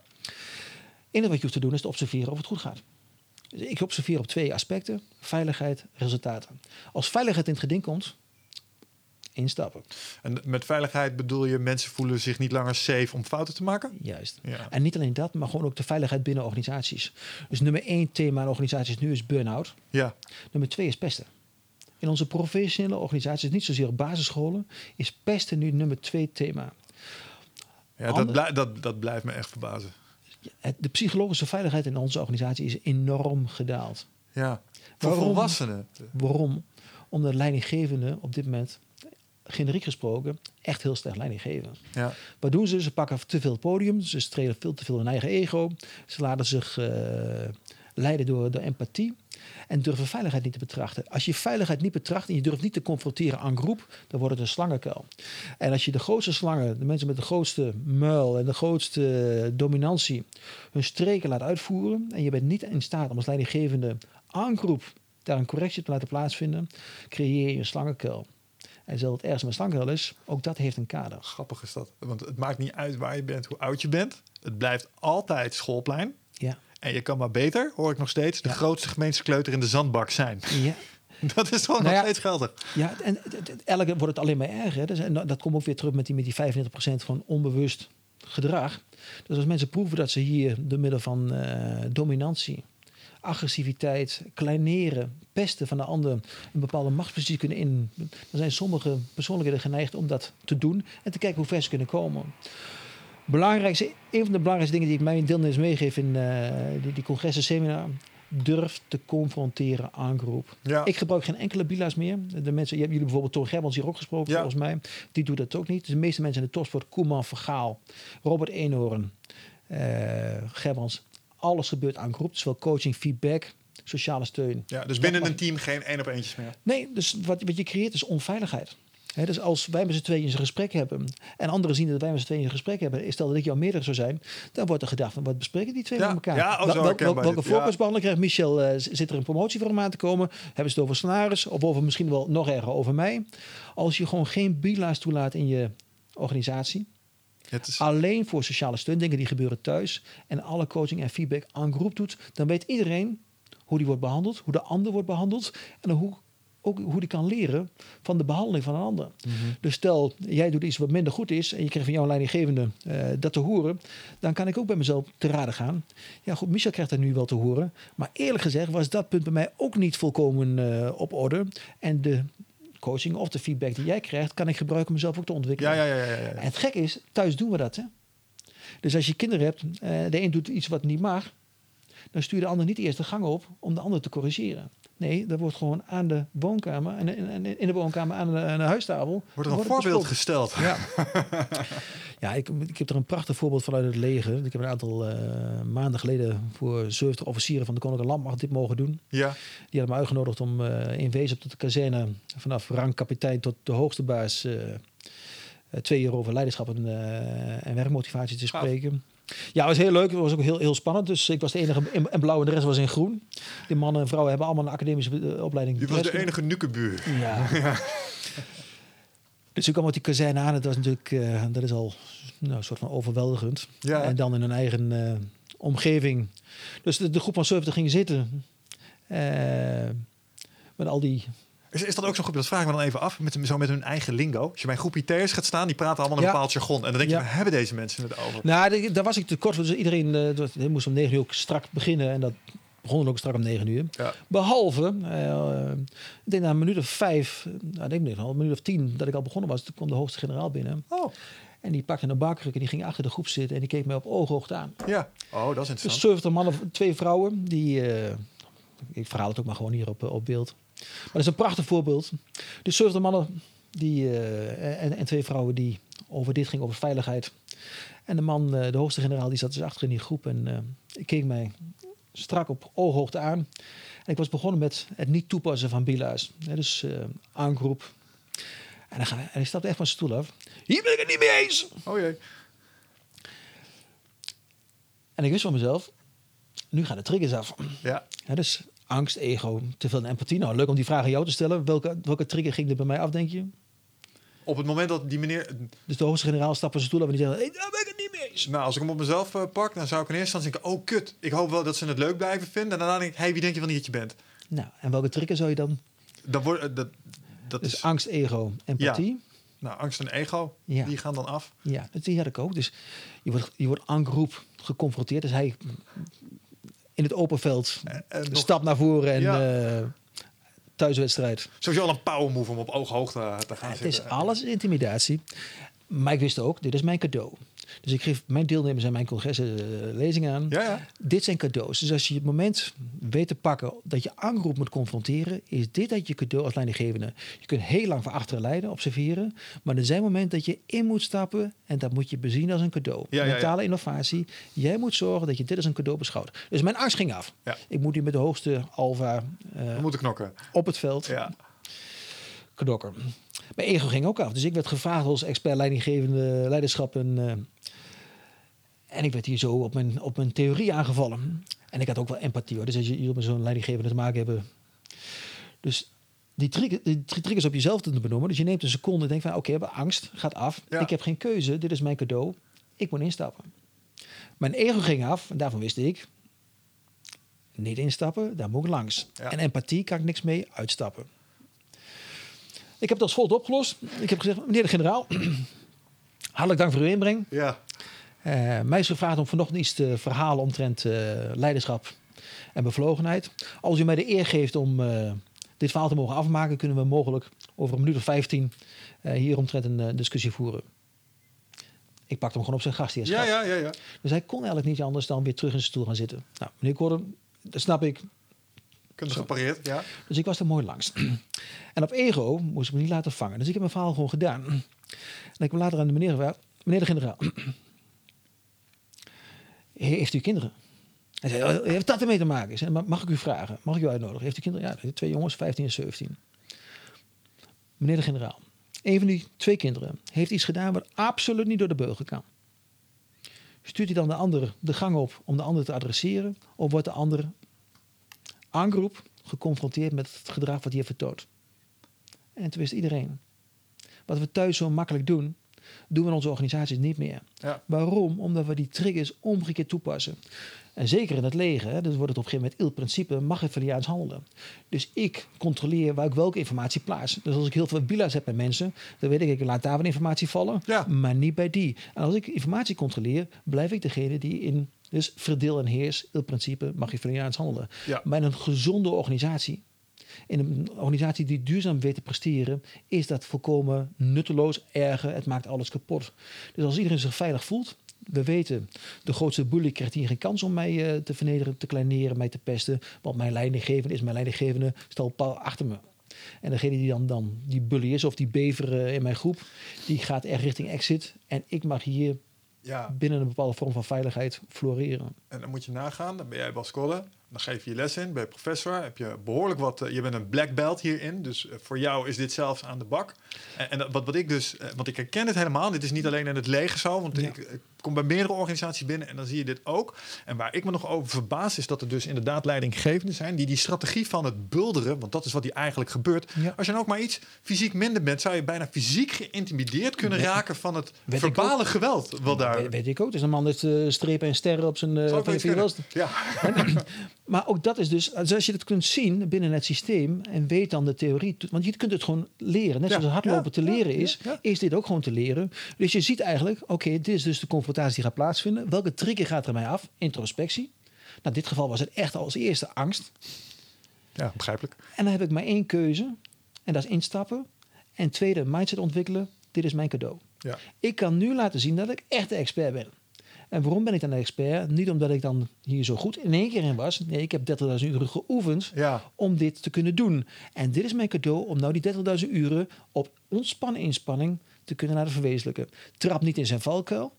Dus je maakt een beweging naar voren, ook al is je maar klein, maar Ja. je gaat met je hoofd naar voren, niet naar achteren, naar voren. Je laat je niet op je ego pakken.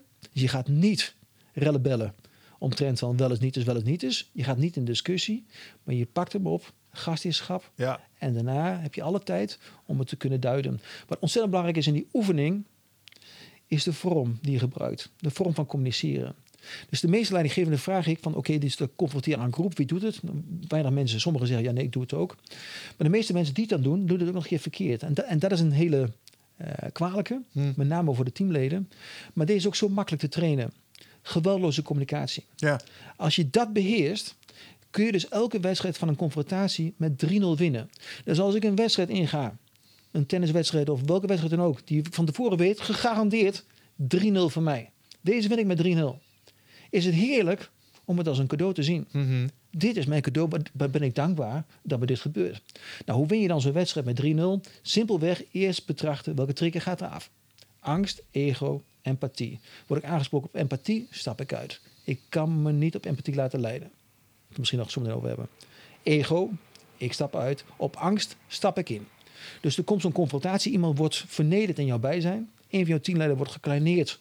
Laten we het overdrijven. Seksueel gekleineerd door een... Mhm. eh, en je staat met je mond vol tanden. Wat gebeurt me hier?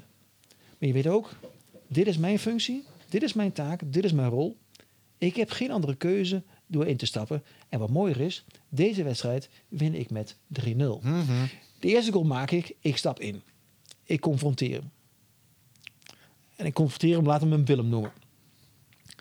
Altijd Willem. Classic Willem dit. Laten we gewoon Ja. Willem noemen. ja. Ik hoop dat er geen Willem... eh, en anders wees niet... Er luisteren er vast wel een paar. Ja, ja. sorry jongens. Ex- excuses op voorhand. Kan hem ook X noemen. Dus Willem, ik percipieer ongelooflijk veel negativiteit in je opmerking. Ik percipieer ook eh, intimidatie bij, eh, bij mijn collega's. Mag ik je uitnodigen om met dit gedrag te stoppen, Willem? Anders gezegd, Willem, zodra je niet met dit gedrag stopt, dan neem jij de beslissing om hier ontslag te nemen. Dat riekt Kunst. naar milde intimidatie bijna. Het is, in, het is in ieder geval stevig genoeg. Ja, behoorlijk. Ruimte ontstaat door arcades. Dit is het kader dat geen enkel eh diffuus mag kennen. Het moet staan als een huis. Mhm. Dus je zegt het stevig, je zegt het ook met een stevige stem. Dus op camera, ik doe het nu nog relatief rustig. Maar ik vond het Maar- zelfs al een beetje intimiderend. Ja, dus ja, ja, mooi, dan is het gelukt. Ja. Maar het is ook geweldloos. Ja. En ik zal uitleggen waarom dit, deze wedstrijd je met 3-0 wint. Eén, je stapt in. Zodra je wordt uitgestapt, dat je de slechtste vorm van leiderschap betracht.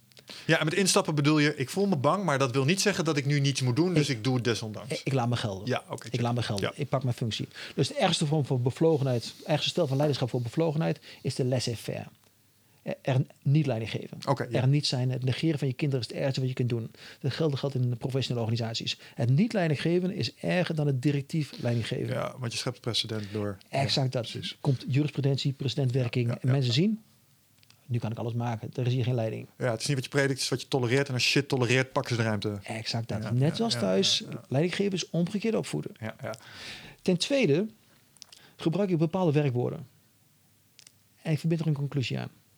Om die werkwoorden te gebruiken, en dat kun je gewoon oefenen. Ik gebruik in de werkwoorden als perciperen en voelen. Ja. Die zou ik in het dagelijks bestaan niet tot nauwelijks gebruiken. Deze gebruik ik hiervoor. Wat doet perciperen en voelen? Ze zijn van mij. Dus als ik had geduid, Willem, dit kan absoluut niet. Het kan niet door de beugel. Ja, ja, ja, ik vind het ja. niet goed. Ja. Eh, en als je dit do- doet, dan, eh, dan ga ik je ontslag geven. Nou, was Willem direct. Dus niet. was gewoon een grapje. Ja. Dat jij geen gevoel voor humor hebt. Dat is niet mijn... eh, hebben die jongens in, in hebben geen gevoel voor humor soms. En dat jij geen gevoel voor humor hebt, eh, dat, dat is niet mijn probleem. Dat is jouw probleem. En nu ik het zo eh, beschouw. Vorige week was het eenzelfde kwestie. Bij een andere collega heb je niks van gezegd. Je hebt gewoon de pick-up mij kodden. Ja. Anders gezegd, zodra je woorden als gevoelen, percipiëren gebruikt, dan kun je nooit in de discussie terechtkomen. Ik voel op dit moment dit. Ik percipieer op dit moment dat. Het enige wat je doet vanuit mijn functie, ik overleg het aan jou. En jij neemt de beslissing, niet ik, om hier ontslag te nemen. Jij bent verantwoordelijk voor je eigen Mhm. daden. Mhm. Ik accordeer dat. Ja. Deze wedstrijd win je altijd met 3-0. Je kunt het simpelweg oefenen. Geweldloze communicatie zijn prachtige boeken over geschreven. Ja. Maar weet van jezelf, het begint met introspectie. Bij angst instappen, ego uitstappen, Ja, empathie ja. uitstappen. En gebruik dan geweldloze communicatie met eigenaarschap bij de ander. ja. Duidelijk. En je hebt een cadeau van je welste te pakken. Dit hoef je maar één keer te doen. En iedereen ziet. Zelfs de, de, de, de, bevers in, in wording zien nu.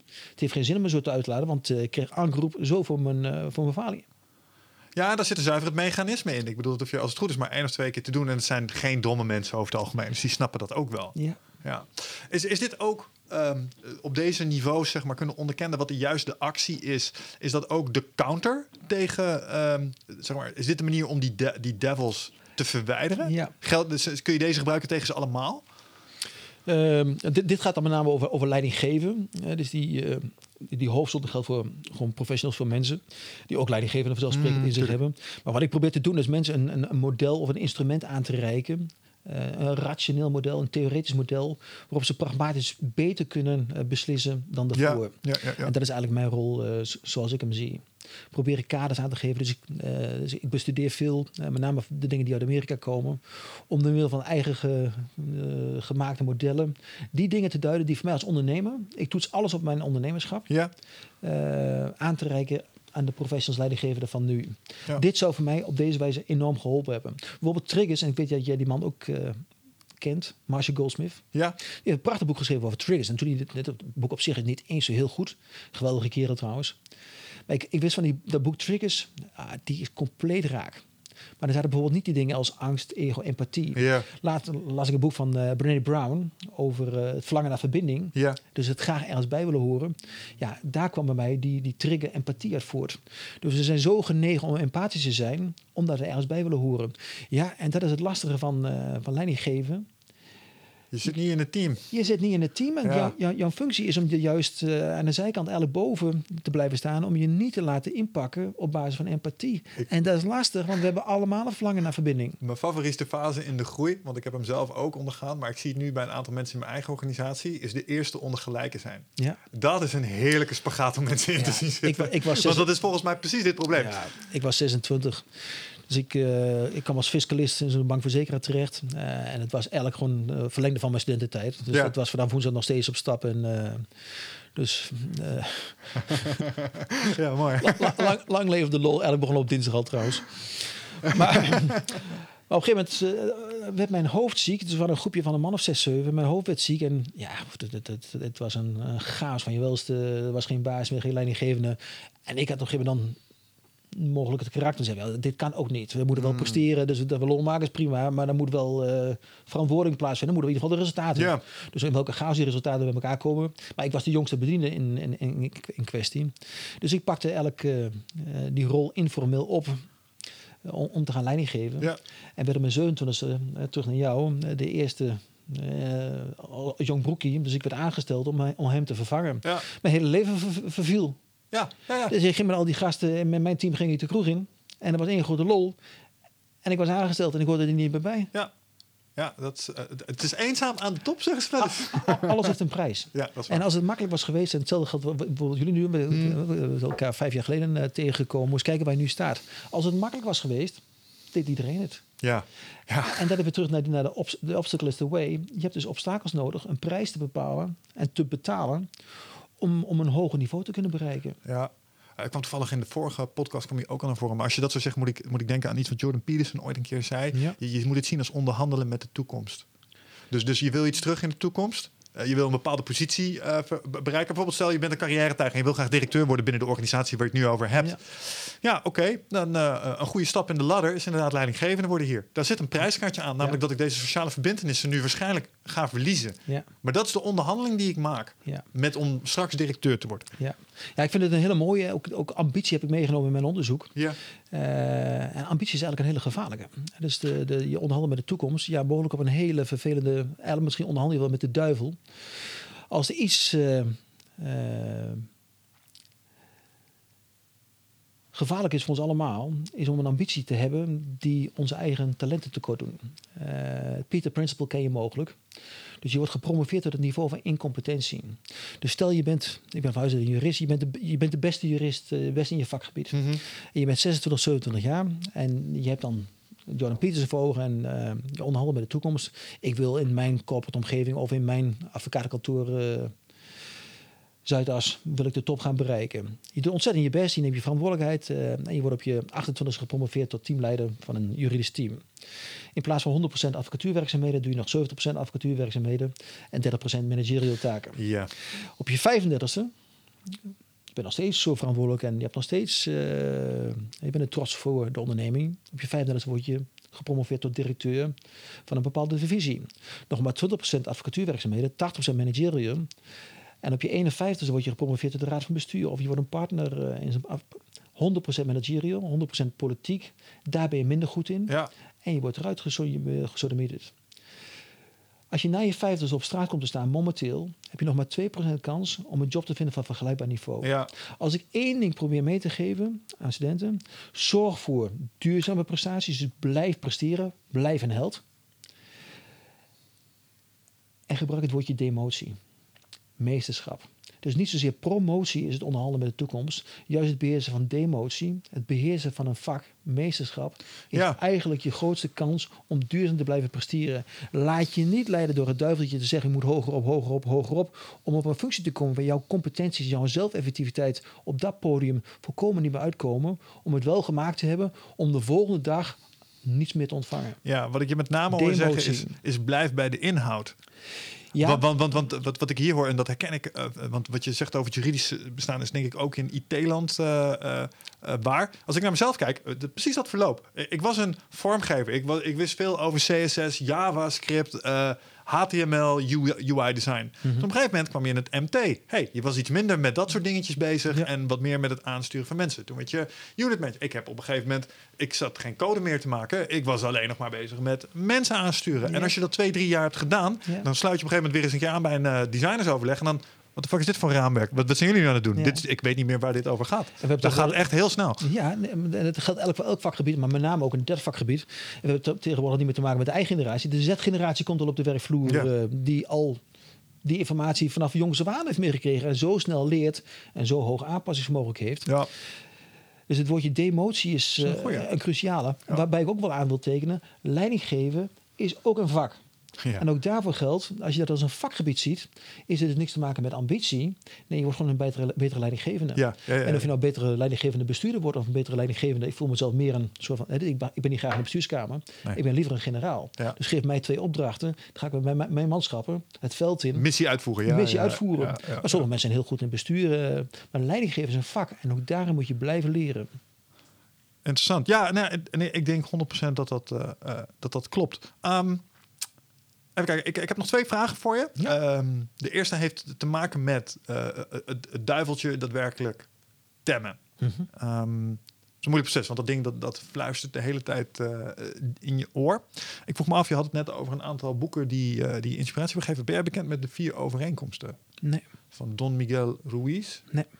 Vind ik echt een mega goed leiderschapsboek. Eh, terwijl het gaat over persoonlijke groei. Het is een shamaan uit Ja. Zuid-Amerika die dit boek heeft geschreven. En dat was eigenlijk een soort reminder voor zichzelf over hoe hij... ehm, en dat vind ik zo leuk, en dat is de relatie naar jouw boek. Ehm, hij baseert het op een oude Tolteekse filosofie. Mhm. Die oude Tolteken, Meso-Amerikaanse stam... eh, ter hoogte vol- volgens mij bij de Maya's. En Maar daarom is mijn vak zo leuk. Hè? Ik krijg ook continu nieuwe informatie. ja, ja, ja. En Maar, maar, maar wat die lui hadden, die hadden een concept en dat heette de parasiet. En dat is eigenlijk exact wat jij omschrijft met die non-stop flow aan negatieve impulsen die door je hoofd gaan. Dus die lui hadden ook al in de gaten van hey, er zit iets op je schouder en dat, dat probeert ja, energie van je weg te trekken. Probeert tussen jou en, en je bestemming Ja. in te gaan staan. Ja. De- Zo meteen nog een vraag, want je had het over de missie die je meegegeven is. Nou, hadden zoiets, je hebt goede krachten, die zetten jou op een bepaald pad. En als je een goed leven leidt, dan vervul je dat. Maar er is ook iets en dat probeert je ervan weg te trekken. En dat fluistert jou allemaal dingen in. En zij noemden dat de parasiet, dus de devil inside. Ja, prachtig. Zij hadden vier regeltjes. Ik ben benieuwd wat, je, wat, wat jij Ja, van die vier leuk. regels vindt. Omdat ze voor mij persoonlijk echt heel veel Je, eh, hebt- je hebt het nu al. Ja, de eerste is eh, van de vier overeenkomsten is wees onberispelijk op je woord. Spreek zuiver. Zeg wat je wil, zeg wat je doet, doe wat je zegt. Doe je het niet, zeg het. Hou geen waarheden achter eh, en vertel nooit een leugen. Dat is eigenlijk, want wat je zegt is, eh, heeft volgens hun een heel verstrekkend effect. Woorden die binnenkomen bij mensen doen iets. Ja. En dat, dat, dat echo door. Dus als jij leugens in mensen hun hoofd zet, Ja. gaat die negativiteit gaat door echoen. En daar heb je een verantwoordelijkheid, zij. Nou, dat vond ik een hele sterke. Ja. Tweede was, neem niks persoonlijk. Mhm. Eh, omdat een heleboel van de negatieve emoties, angst, ego eh, en misschien empathie ook. Hm. Ehm, nou, als ik kijk naar de dingen waar ik bang voor ben, is bijvoorbeeld in zo'n groep met zo'n generaal, Mhm. waar zou ik last van hebben? Ehm, ik word nu aangevallen op mijn competentie. Ja. En nu dadelijk een achting in die groep. Ja. En dus daarom neem ik het heel persoonlijk. Want je vindt, je vindt me een sukkel of zo. Ego. Nee, Ja. Je wordt op je ego geraakt, zoals ik dat noem. Ja, dus dat is die. Maar daar zit, ligt vaak een aanname en te grondslag. Dus de derde is, doe geen aannames. Mhm, Mooi. O- omdat eh, d- daar voedt hij zich op. Mhm. Eh, het feit dat jij denkt dat, wat je daar straks zei, vind ik een heel mooi voorbeeld. De twee leidinggevenden gaan even met elkaar een bilaatje doen. Je kan ze door zo'n glazen wand zien zitten, praten met elkaar. En je vraagt stiekem toch af, gaat dit over mijn prestatie? Ja. Eh, eh, ja, ze hebben het vast over mij. Want ik heb laatst daar, heb ik in dat project heb ik een steek. Dus je gaat aannames doen, krijgt een hele eigen leven. En die parasiet voedt daarop. Ja. Daar smult hij van. Dat is een emotioneel buffet. Juist. Gaat hij helemaal los. Ehm, en dan de laatste, en dat vind ik eigenlijk de aller, allersterkste, ehm, is doe altijd je uiterste best. Mhm. En het voorbeeld wat, ze, eh, wat ik daar persoonlijk graag bij aanhaal is, als wij kijken op vechtsporters, Mhm. naar een vechtsportpartij. En we zien daar twee gasten en eh, die knokken met elkaar. Mhm. En één wordt er nog uitgeslagen. Dan is de vraag altijd, vinden wij als fans die meneer die knock-out is geslagen een loser ja of nee?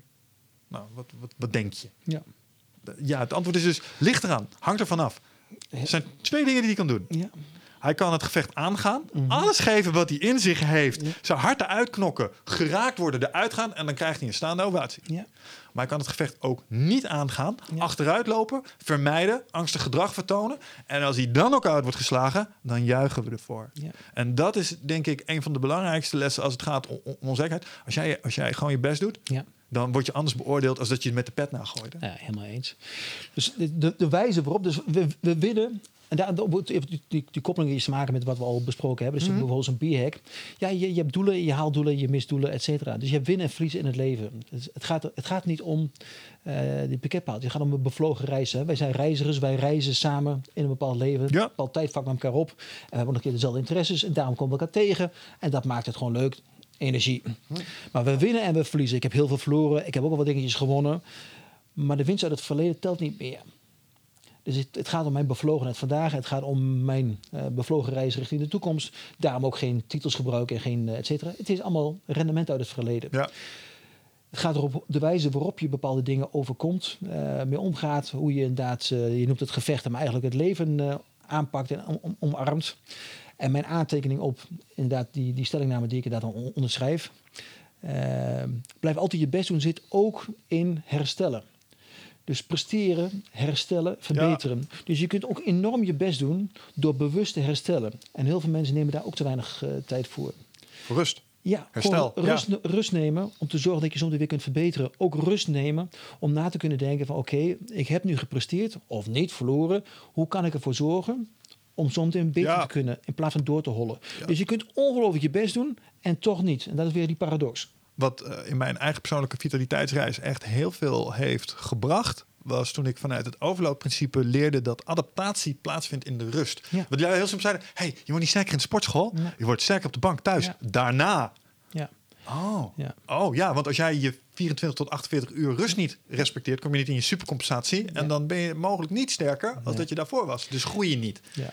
En hetzelfde, het gaat over filosofie, dat we dat in onze scholing eigenlijk eh, verloren zijn geraakt. Hetzelfde geldt eh, de relatie met de natuur. Ik had een prachtige mentor, Paul de Bot. Volgens mij hebben jullie hem een keer in de, de studio gehad. Nou, dat is Ja, mijn, ja, mijn boek is opgedragen aan Paul. Die heeft me eigenlijk op het eh, onderwerp van introspectie... dus we hebben me helaas moeten begraven in december. Ja, ik begreep het. Ehm, maar die heeft mij eigenlijk maar één ding meegegeven. Bas, we zaten naast elkaar in, in, in een kamer. De natuur leert ons alles. En hetzelfde geldt voor herstellen. Dus je kunt niet continu van storm naar storm naar storm naar storm. Nee, je zult dus al die seizoenen door moeten geraken Ja. om weer te kunnen herstellen. Om weer een mooie en soms weer een strenge winter te kunnen doorgeraken. Om dan weer helemaal het lintje met helemaal het begin te kunnen maken. Dus zorg ervoor dat je nou klaar bent voor die strenge winter. Maar zorg dat je soms weer herstelt. eh, en geniet van de zomer die eraan zit te komen. Ja, omarm de Maar herstellen is erg belangrijk. Hè? Door blijven hollen. Dus eh, eh, altijd je, je best blijven doen. Gebruik ook herstellen. Ja. Om, om dat te bereiken. Er lijkt een bepaalde golfbeweging te zitten in effort. Effort, rust en resultaat, zeg maar. Ja. Die zijn aan elkaar gekoppeld op die Ja. manier. Je kan niet non-stop effort blijven plegen. Eh, die paradoxen, de ontspannen inspanning. Ja. Iets wat ik niet wilde vergeten, wat ik... eh, Maar want- we moeten alle vier toch langs? wat zeg je? Moet het alle vier langs toch niet? Wil je ze alle vier even kort Ja. aanraken? Ja, ja, perfect. Ja. Ja. Doe wat je uit zijn best had je nu gehad. Ja, dus de, de, de nummer twee was ik mee eens. Dat ging over eh maak het niet persoonlijk. Ja. Ja. Nummer één heb ik een, eh, een kanttekening bij. Oh, interessant. Ehm, dat ging over integriteit. Je benoemde het eh, anders. eh, spreek Wees altijd- onberispelijk met Wees je woord. onberispelijk. Ja, ik vraag soms aan, aan deelnemers in mijn groepen van wie is, wie is voor jullie de meest inspirerende leidinggevende, de meest authentieke leidinggevende aller tijden? En wat ik dan vaak terug naar hoor zijn, zijn twee namen. Wie zijn voor jou de twee leiders uit de wereldgeschiedenis die voor jou echt pal staan voor authenticiteit, eh, inspiratie, leiderschap? Oh, uit de wereldgeschiedenis. Ja, Ja. oké. Ik heb wat eh, voorbeelden dichter bij huis. Maar ik ga, je, ik ga je helpen, want ik denk dat, ik, dat je wil dat ik Gandhi en Mandela zeg. Ja, die dat was een mooie toets. Hij heeft het boek echt gelezen. maar die twee komen altijd. En wat ik dan... eh dus va- vaak van die, die leergang van authentisch, eh, authentiek leiderschap. eh, dan vraag ik aan mensen, van, wie is hier authentiek? En wie Ja. is hier integer? Nou, gaan al die, al die handjes omhoog. Nou, bij het vooral, voor mij vooral niet. Dus authenticiteit, dus Mandela Gandhi. eh, Mandela was eh, niet alleen een schuimmarcheerder, maar ook een bommenleger. Heeft meerdere mensen omgebracht. En Gandhi heeft volgens geschreven minimaal twee keer zijn vrouw met botbreuken het ziekenhuis Ja, ingeslagen. ja, ja, ja. Nou, wat zegt dat? Er is hoop. Dus niemand wordt integer geboren. Niemand is authentiek vanaf eh, dag één. Ik vind het interessant dat je die stelling, die feiten interpreteert als er is hoop. Zo van nee, niet zelfs onze meest nobele lui Ja. zijn ook helemaal verkeerd. Nee, nee. Als zij het verkeerd doen, dan is er ook ruimte voor jou, is wat je zegt. We all got the devil inside. Ja, natuurlijk ook. Dus Man- Mandela had maar één, eh, en ook, ook Gandhi gebruikte introspectie en paradoxen om te krijgen wat hij wilde. Dus hij wist dat hij, Gandhi, dat hij tegen een overmacht en een, een Brits leger stond. Dus ja, geweld had geen zin. Wil niet zeggen dat de man helemaal geweldloos was. Nee, nee. hij heeft geweldloosheid omarmd om te krijgen wat hij wilde. Omdat hij een die andere wedstrijden was gewoon heel slim. Strategie. Dus weer die paradox opgezocht. Eh, en, en, Mandela had natuurlijk gewoon één USP boven ons allemaal, die niemand echt wenst ontvangen. Heeft gewoon 27 jaar de tijd gehad om zelfreflectie te kunnen toepassen. Ja. 27 jaar de tijd om te kunnen nadenken. Wij hollen maar door en worden eh getriggerd door van alles en hebben niet de tijd om dat te doen. Ja. Dit is zijn grootste USP geweest. Ja. Anders gezegd, dus wees onberispelijk. Ja, zoveel mogelijk. Maar niemand is volledig onberispelijk. Stel gaat dan de de vraag die bij mij oproept, moet je dan alles maar vertellen? Nee, in mijn ogen moet je niet alles maar vertellen. En ook als je een bepaalde vraag krijgt die op dat moment, eh, als je die volledig onberispelijk zou beantwoorden, meer schade zou opleveren dan dat je hem eh, in, in, in, in een wat vaag gebied kunt houden om later daar eh, onberispelijk op te kunnen zijn Ja. Is voor mij belangrijker dan, dan, dan, dan, dan, dan de, de ruwe waarheid. Ik, de waarheid wordt sowieso overschat. Ja, en, en, ik, en ik ben ook met je eens dat, dat je wel moet kijken naar. Want, want je kan deze vier regels echt eh, als een idioot uitvoeren. Eh, natuurlijk eh, zitten daar ook mitsen en maren aan. En ik denk dat met name bij de, bij de eerste. Want er zijn allerlei scenario's denkbaar. waarbij de waarheid 100% eh rauw spreken. Ja. de situatie niet verbetert. En ik denk dat je even moet kijken Juist. naar het effect wat je probeert te sorteren. Want als jouw effect is, want onberispelijk zijn met je woord. Er zijn twee dingen die ik bij mezelf heb gespot daarin. Mhm. Ik kan, als ik de waarheid gebruik, kan ik gaan white, white knighten. Ja. Ineens heb ik de moral high ground. En als ik de moral high ground heb, nou, dan ben ik pineut. Want eh, nou, kan ik je pakken. Ik ben unassailable. En het ergste is, als dat dan veronder- eh, vervolgens verandert in een black knight. En dan ga ik op strafexpeditie. Dan ga ik jou straffen met de waarheid. Waarschijnlijk omdat je mijn ego ergens gekwetst hebt of zo. en, en dan is waarheid ineens helemaal niet meer zuiver. Dan is het de stok geworden. En, en daar moet je een beetje op letten, denk ik. Want eh, ja, ik, ben toch, ik, ik zeg toch gewoon hoe het zit? Mag toch gewoon de waarheid zeggen? Hoor ik mezelf dan zeggen. Ik, ik moet denken aan dat nummer van U2 One. Daar zit ook zo'n mooi stukje in. With the leopards in your head. Was het? nou, Over, over een relatie. ehm, first you bring me in. Ja, En dan kom je met al die verwijten. En eigenlijk eh, sta ik zo met lege handen. En ehm, you bring the leopards in mij. Iets dergelijks. ja. Dus ja, de waarheid eh, van de ene is niet de waarheid van de ander. En, eh, en wie zijn wij om de waarheid te verkondigen? Jawel, maar, Ja. maar waar dit natuurlijk om gaat, is dat er situaties zijn waarbij je donders als een vraag is: hey, wie is degene geweest die dit of dat heeft gedaan? En je staat daar met vijf man en je weet dat jij het was en je houdt je mond. Op zo'n moment moet je gewoon even keurig je hand opsteken, is wat het zegt. Als, als jij het hebt gedaan. Maar stel je weet dat een ander het heeft gedaan. Dus je wordt gevraagd van wie heeft dit gedaan. En jij weet dat de ander het heeft gedaan. En je stapt naar voren. Is dat dan onberispelijk? Nee, je hebt dan wel Dat is een een, interessante. een ander gegeven op... Een hele eh, interessante. Want als je zou zeggen, als ik weet dat jij iemand hebt vermoord en ze vraagt mij, weet jij eh, wie die persoon heeft vermoord, dan vind ik dat ik moreel zou moeten zeggen, hey, zeker als het echt een moord was conform zoals de wet Ja. als we die kennen, als jij jezelf verdedigt tegen een of andere eh bully, wordt het moreel weer anders. Zou het maar zo kunnen zijn dat ik zeg, ja, ik heb niks gezien. ja. Dus integriteit ligt in heel veel vormen. En Ja. je hebt dus zelf op jezelf introspectie, zelfreflectie toe te passen van... Is het integer wat ik doe? Eh, en, en bij sommigen kun je dan heel makkelijk antwoord geven. Dus Zodra je daar geen antwoord op geeft, bijvoorbeeld op die moordvraag... en iemand anders loopt gevaar omdat jij je mond houdt... ja, vind ik dat weinig integer. Ja, Maar stel dat er een iets minder eh, belangrijk iets is. en je stapt direct naar voren om daar een, eh, een antwoord vanuit jouw waarheid. en je weet ook dat het mogelijk het, hè, dat het geval is geweest. ontneem je ook de ander om een moment te pakken. om later te kunnen zeggen: ik stond aan de grond genageld. Ik wist dat ik het was, maar ik kreeg niks uit mijn mond. en ik ben blij dat ik de kans heb gekregen om alsnog naar je toe te kunnen stappen om het te kunnen eh, aangeven. En dan ben je het voor geweest. En is dat dan integer? ja, en er zijn natuurlijk altijd nog de witte leugentjes die we vanuit de familiesetting wel kennen. Ja, dus Staat dit leuk? Ja, Dus- liefje. Dus de, de waarheid wordt sowieso overschat. Dus we hebben allemaal een bepaalde waarheid. En soms moet ook de waarheid maar gewoon eventjes niet boven tafel komen om... ehm, En er zit een ego-aspect aan vast. Want wat maakt mijn waarheid beter dan die van jou? Waarom zouden we mijne moeten verkondigen? ja. Nee, dat, is, dat vond ik heel mooi. Over aannames gesproken. Dat was nummer drie, dacht ik. Ja, ja, ja, heel goed. Ik heb mezelf twee dingen opgelegd. Ik heb geen visie. Ik verhaal het ook in... eh, ik heb geen visie. En ik heb geen mensenkennis. Oké. Ik kan hem allebei uitleggen. Dus mensen, ja, geen mensenkennis, geen visie. Hoe, hoe, hoe, hoe, komt dat dan? Hoe navigeer jij de Ja. wereld? Ja. Ja, nou, visie, daar hebben we het al over gehad. Dus als ik denk hoe de wereld eruit gaat zien, dan, dan overschat ik mezelf volkomen. Ja. En dat doen we dan allemaal. Dus die visie- en missiestatements vind ik echt grootste flauwekul. Eh sectoren en markten worden overnacht veranderd. Nou, en gezien maat is dat eh, helemaal duidelijk geworden. Maar ook mensenkennis. Dus ik heb zelf 400 mensen in loondienst gehad. Vaak het gevoel gehad, ik heb de verkeerde aangenomen. Ik betracht mezelf nu om te zeggen, ik heb geen mensenkennis. En het levert me twee dingen op. Misschien leuk om eventjes... eh, Ja? wel- Welke twee dingen levert het mij op? Op het moment dat jij ervan uitgaat dat, Dat, je ik geen- tegen mezelf zeg, ik heb geen mensenkennis. Als ik er heel cynisch in ga zitten, Ja. je, je voorkomt een ongelooflijke hoeveelheid teleurstellingen. Mhm. Dat is één.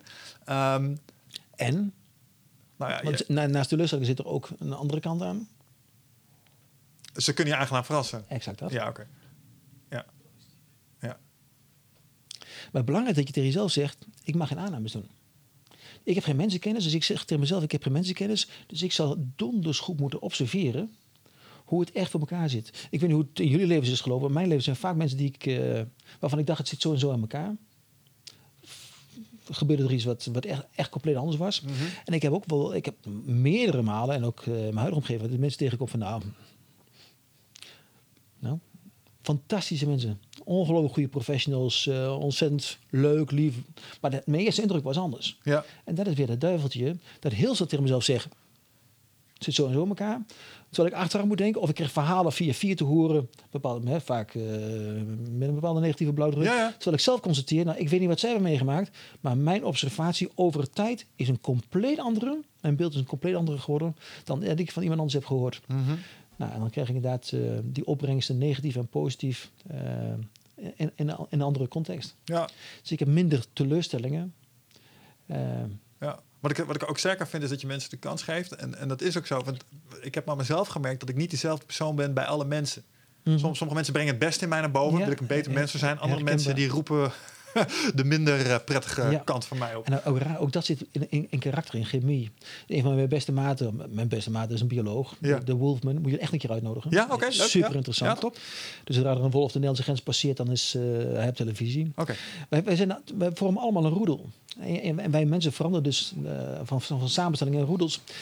En in roedels heb je bepaalde gedragingen en bepaalde functies. En als jij dan eh, hè, twee alfa's in de groep, eh, eh, eh, of twee omega's in de groep, je proeft gewoon dat de chemie in een bepaalde groep niet werkt als je bepaald gedrag vertoont dat uh, normaliter dichter bij je ligt. Ja. Wat is het verschil tussen een alfa en een een omega? De omega is eigenlijk, eh, ja, dan moet hij helemaal uitleggen. Dus ik ben niet eh, Ja, ja, ja, de, de, de, de, de omega is de, uit mijn hoofd is dan de, eh, de, de, de, de, de lonely wolf, de, de, eh, de, de, de, de uitdager. Ja. Ja. Oh, de, de contender. Ja. Die, die net onder de alfa Die zit. observeert waar, wanneer is de, alfa ja, ja. eh, verzwakt en wanneer kan ik zijn positie... in mijn ogen is dat... De, nou, hij gaat dat veel beter uitleggen. Maar alles heeft een functie in zo'n in zo'n roedel. En die functies veranderen dus ook in leeftijdsfase. Ja, snap ik. Hey, ehm, dan, dan nog even eh, een vraag die ik er straks had. Want je liet er even wat dingen ontvallen toen het ging over bijvoorbeeld eh, eh, missies en en, een stukje zingeving accepteren in het leven. Joh, als je je missie zou accepteren, ehm, dan puntje, puntje, puntje. Dat Ja. suggereert ehm, dat er iets is van een missie om te accepteren. Dat suggereert misschien iets van opzet. Misschien een groter plan.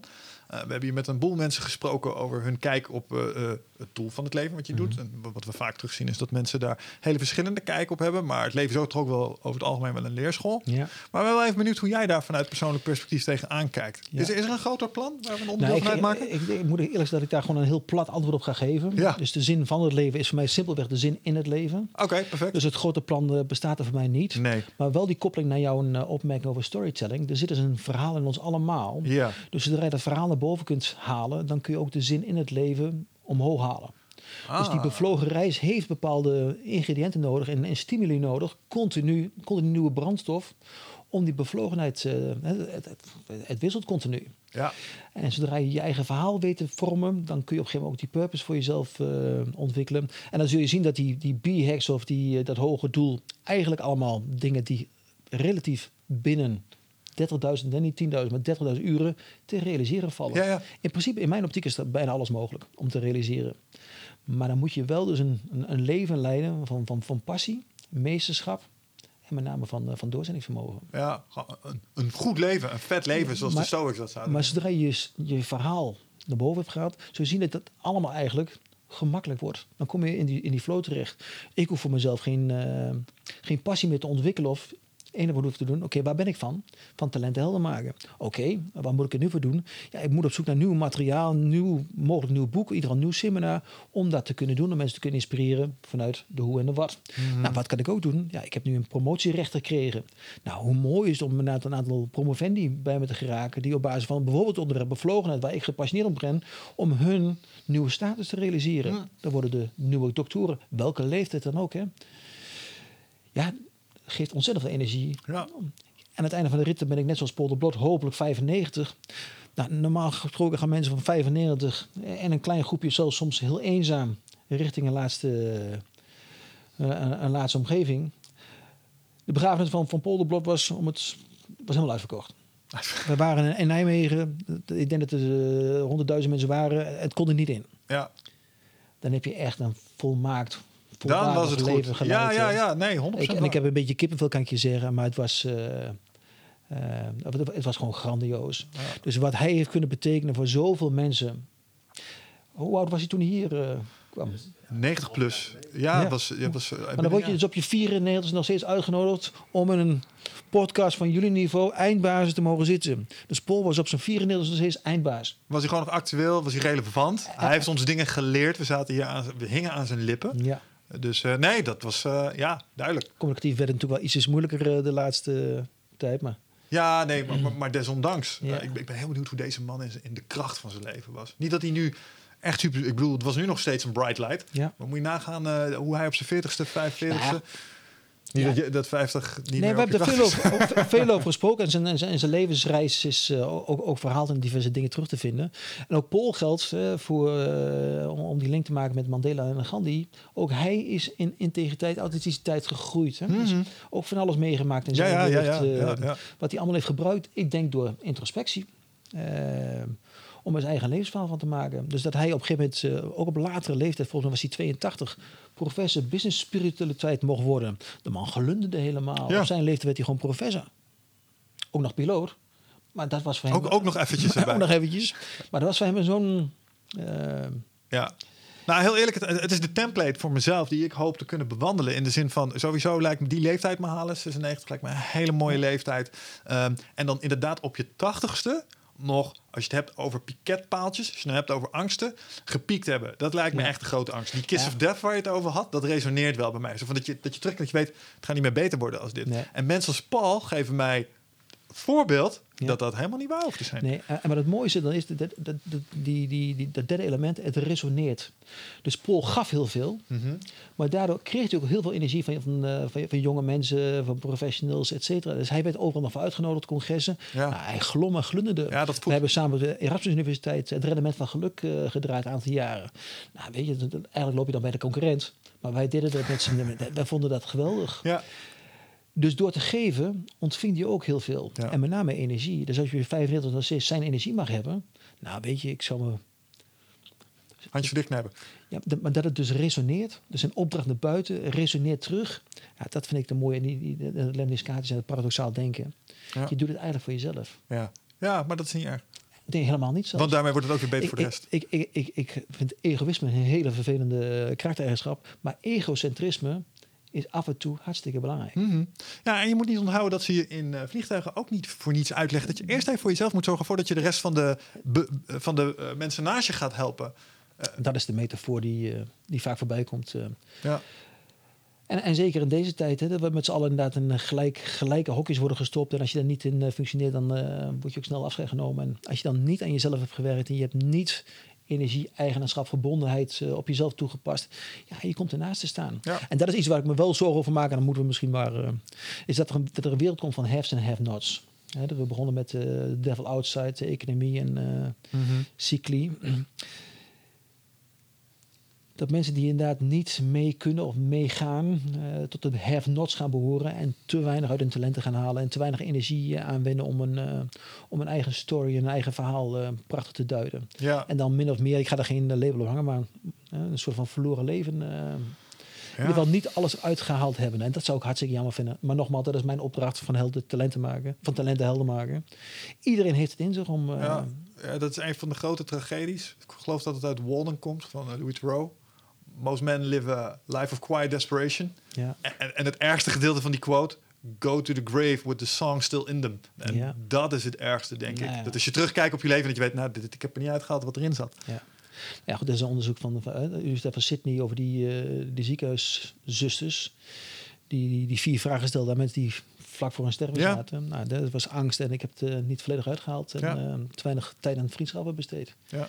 We denderen maar door. All work, no play. Ja. En dan word je een dull boy van. Dus dat kan niet de bedoeling Ja, zijn. nou, nogmaals, ik, ik houd het dan ook maar heel klein. Dus eh, ik heb voor de rest ook geen, geen grote opdracht. eh. dus ik betracht het op mezelf en de mensen in mijn omgeving eh, probeer ik te ondersteunen. Ik kan ze niet helpen, maar te faciliteren en te coachen. Ja. mogelijk dat te dirigeren, mochten ze daartoe wensen hebben. En uiteindelijk draait het om je eigen bevlogen reis. ja, nou, zo van een afstandje beschouwd gaat dat je voorlopig nog wel, eh, wel Ja, goed af. nou, Ik heb net, net een kiss of death eventjes afgelegd en nu eh, op, naar een, eh, op naar nieuws. En moeilijk zeggen, ik had er hartstikke veel zin in vandaag ja, leuk. Mij ook. om jullie weer te ontmoeten. En, Ja. Top man.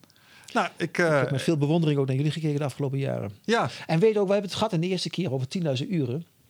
En inmiddels is er een nieuw onderzoek, en ook van de heren zelf, Gladwell en, eh en dat het dus niet gaat om 10.000 uren, om daar een, een haakje naar jullie te. Ja. Het gaat dus echt om 30.000 uren. Ja. Je moet dus 30.000 uren, oftewel eigenlijk 15 jaar, volledig met je vakgebied bezig zijn om echt jezelf een expert te mogen noemen. Ja. Dus ik ben in 2005 begonnen met een eh, studie bedrijfskunde, nu pas. Ehm, jullie zijn nu een jaar of zeven onderweg, nee, vijf jaar volgens mij. vijf jaar onderweg. Ja.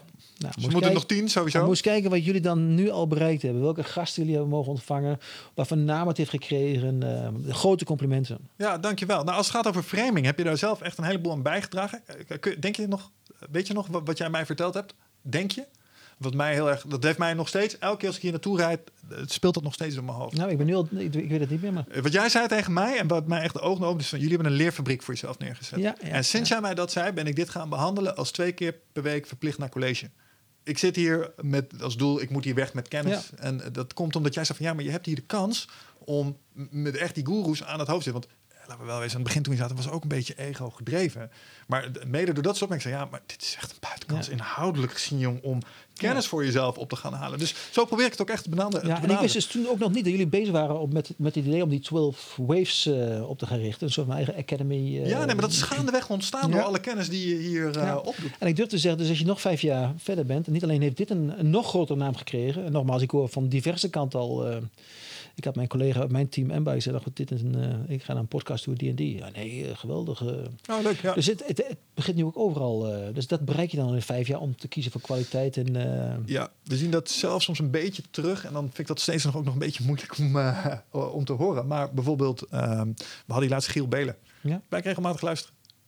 Eh, de vrouw van eh, een van de grootste strafrechtadvocaten. ah, zijn naam ontschiet me even super slecht. Maar die was die laatst ook. Ja, mevrouw, ik luister jullie elke ochtend bij Proxy. Want mijn vrouw heeft Ja. jullie aanstaan. Ja, Eh, ik was jullie nou laatst... eh, ach, Harry Boomsma. ja. En dan merken we, oh, dit heeft, komt blijkbaar bij Ja. meer mensen binnen als wij hadden En- verwacht. En, en- dat is echt heel erg leuk om te En, en, merken. en dat is dus ook hartstikke mooi om dan richting het einde dan te... En dat is dan weer die, dat lemniskaart, ijdelheid, bescheidenheid. Daar moet je hartstikke trots op zijn.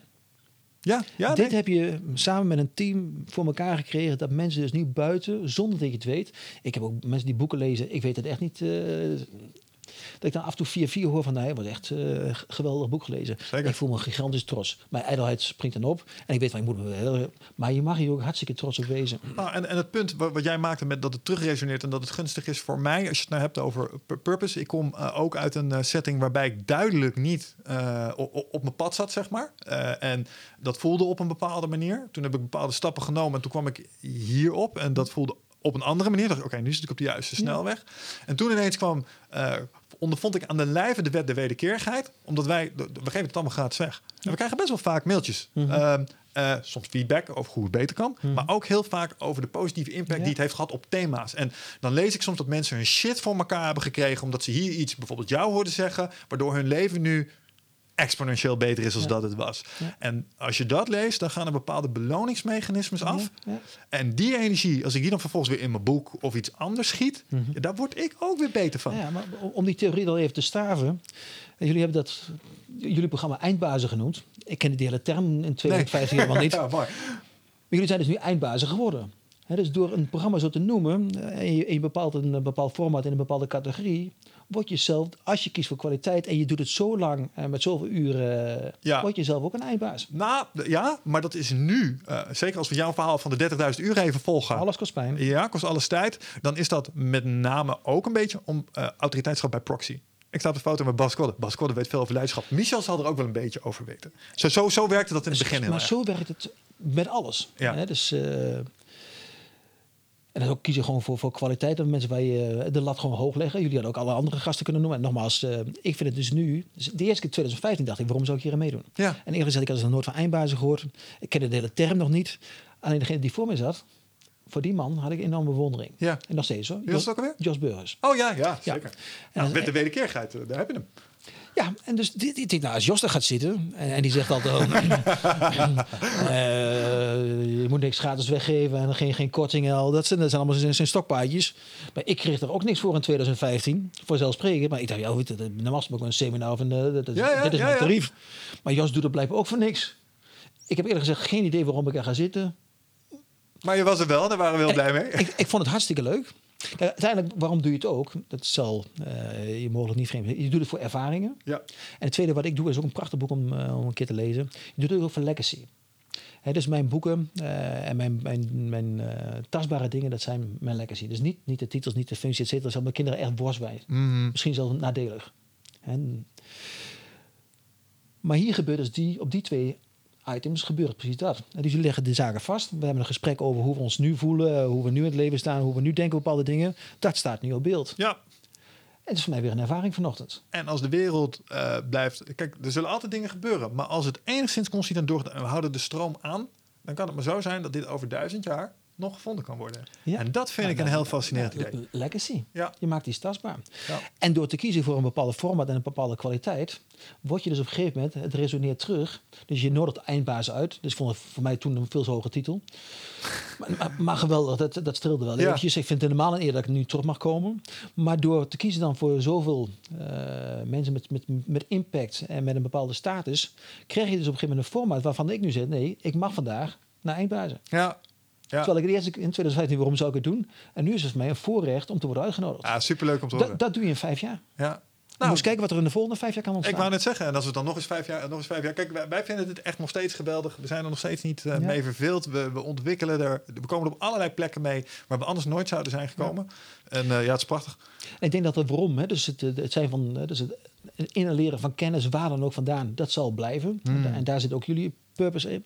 En de hoe en de wat zullen mogelijk gaan veranderen. Dus die 12 waves, dus misschien denken we, oké, dat gaat zo echt beginnen te rollen. We gaan een eh, academy of et cetera, et cetera. Uh, Wicht is nou een boek aan het schrijven. Ja. Maar op een gegeven moment gaat dat rollen. En dan zul je zien dat de wat en de hoe ook enorm gaan renderen.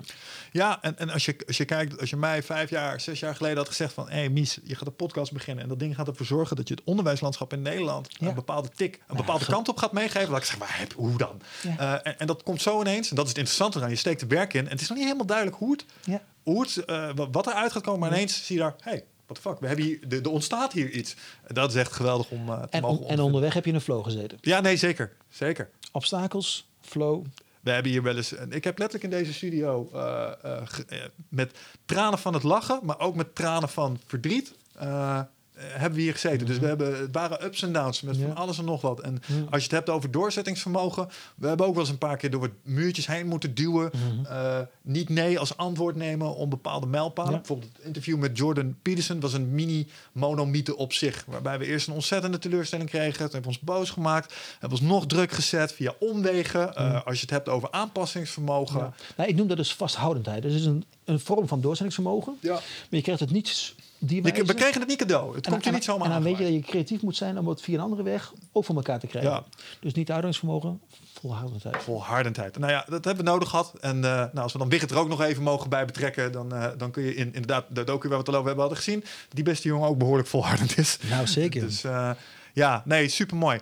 Hey Bas, ik denk dat we een beetje aan het einde zijn gekomen. Ik heb weer een boel food for thought. Ik vind het echt eh, fascinerend de onderwerpen waar je mee bezig bent. En eh, nou, ze resoneren in ieder geval heel erg bij mij. Ik vind het echt geweldig. Ik ben ook met dit soort thematiek bezig. Dus ik heb Ja. weer een heleboel dingen geleerd. En ik ga mijn beleggingen verzilveren.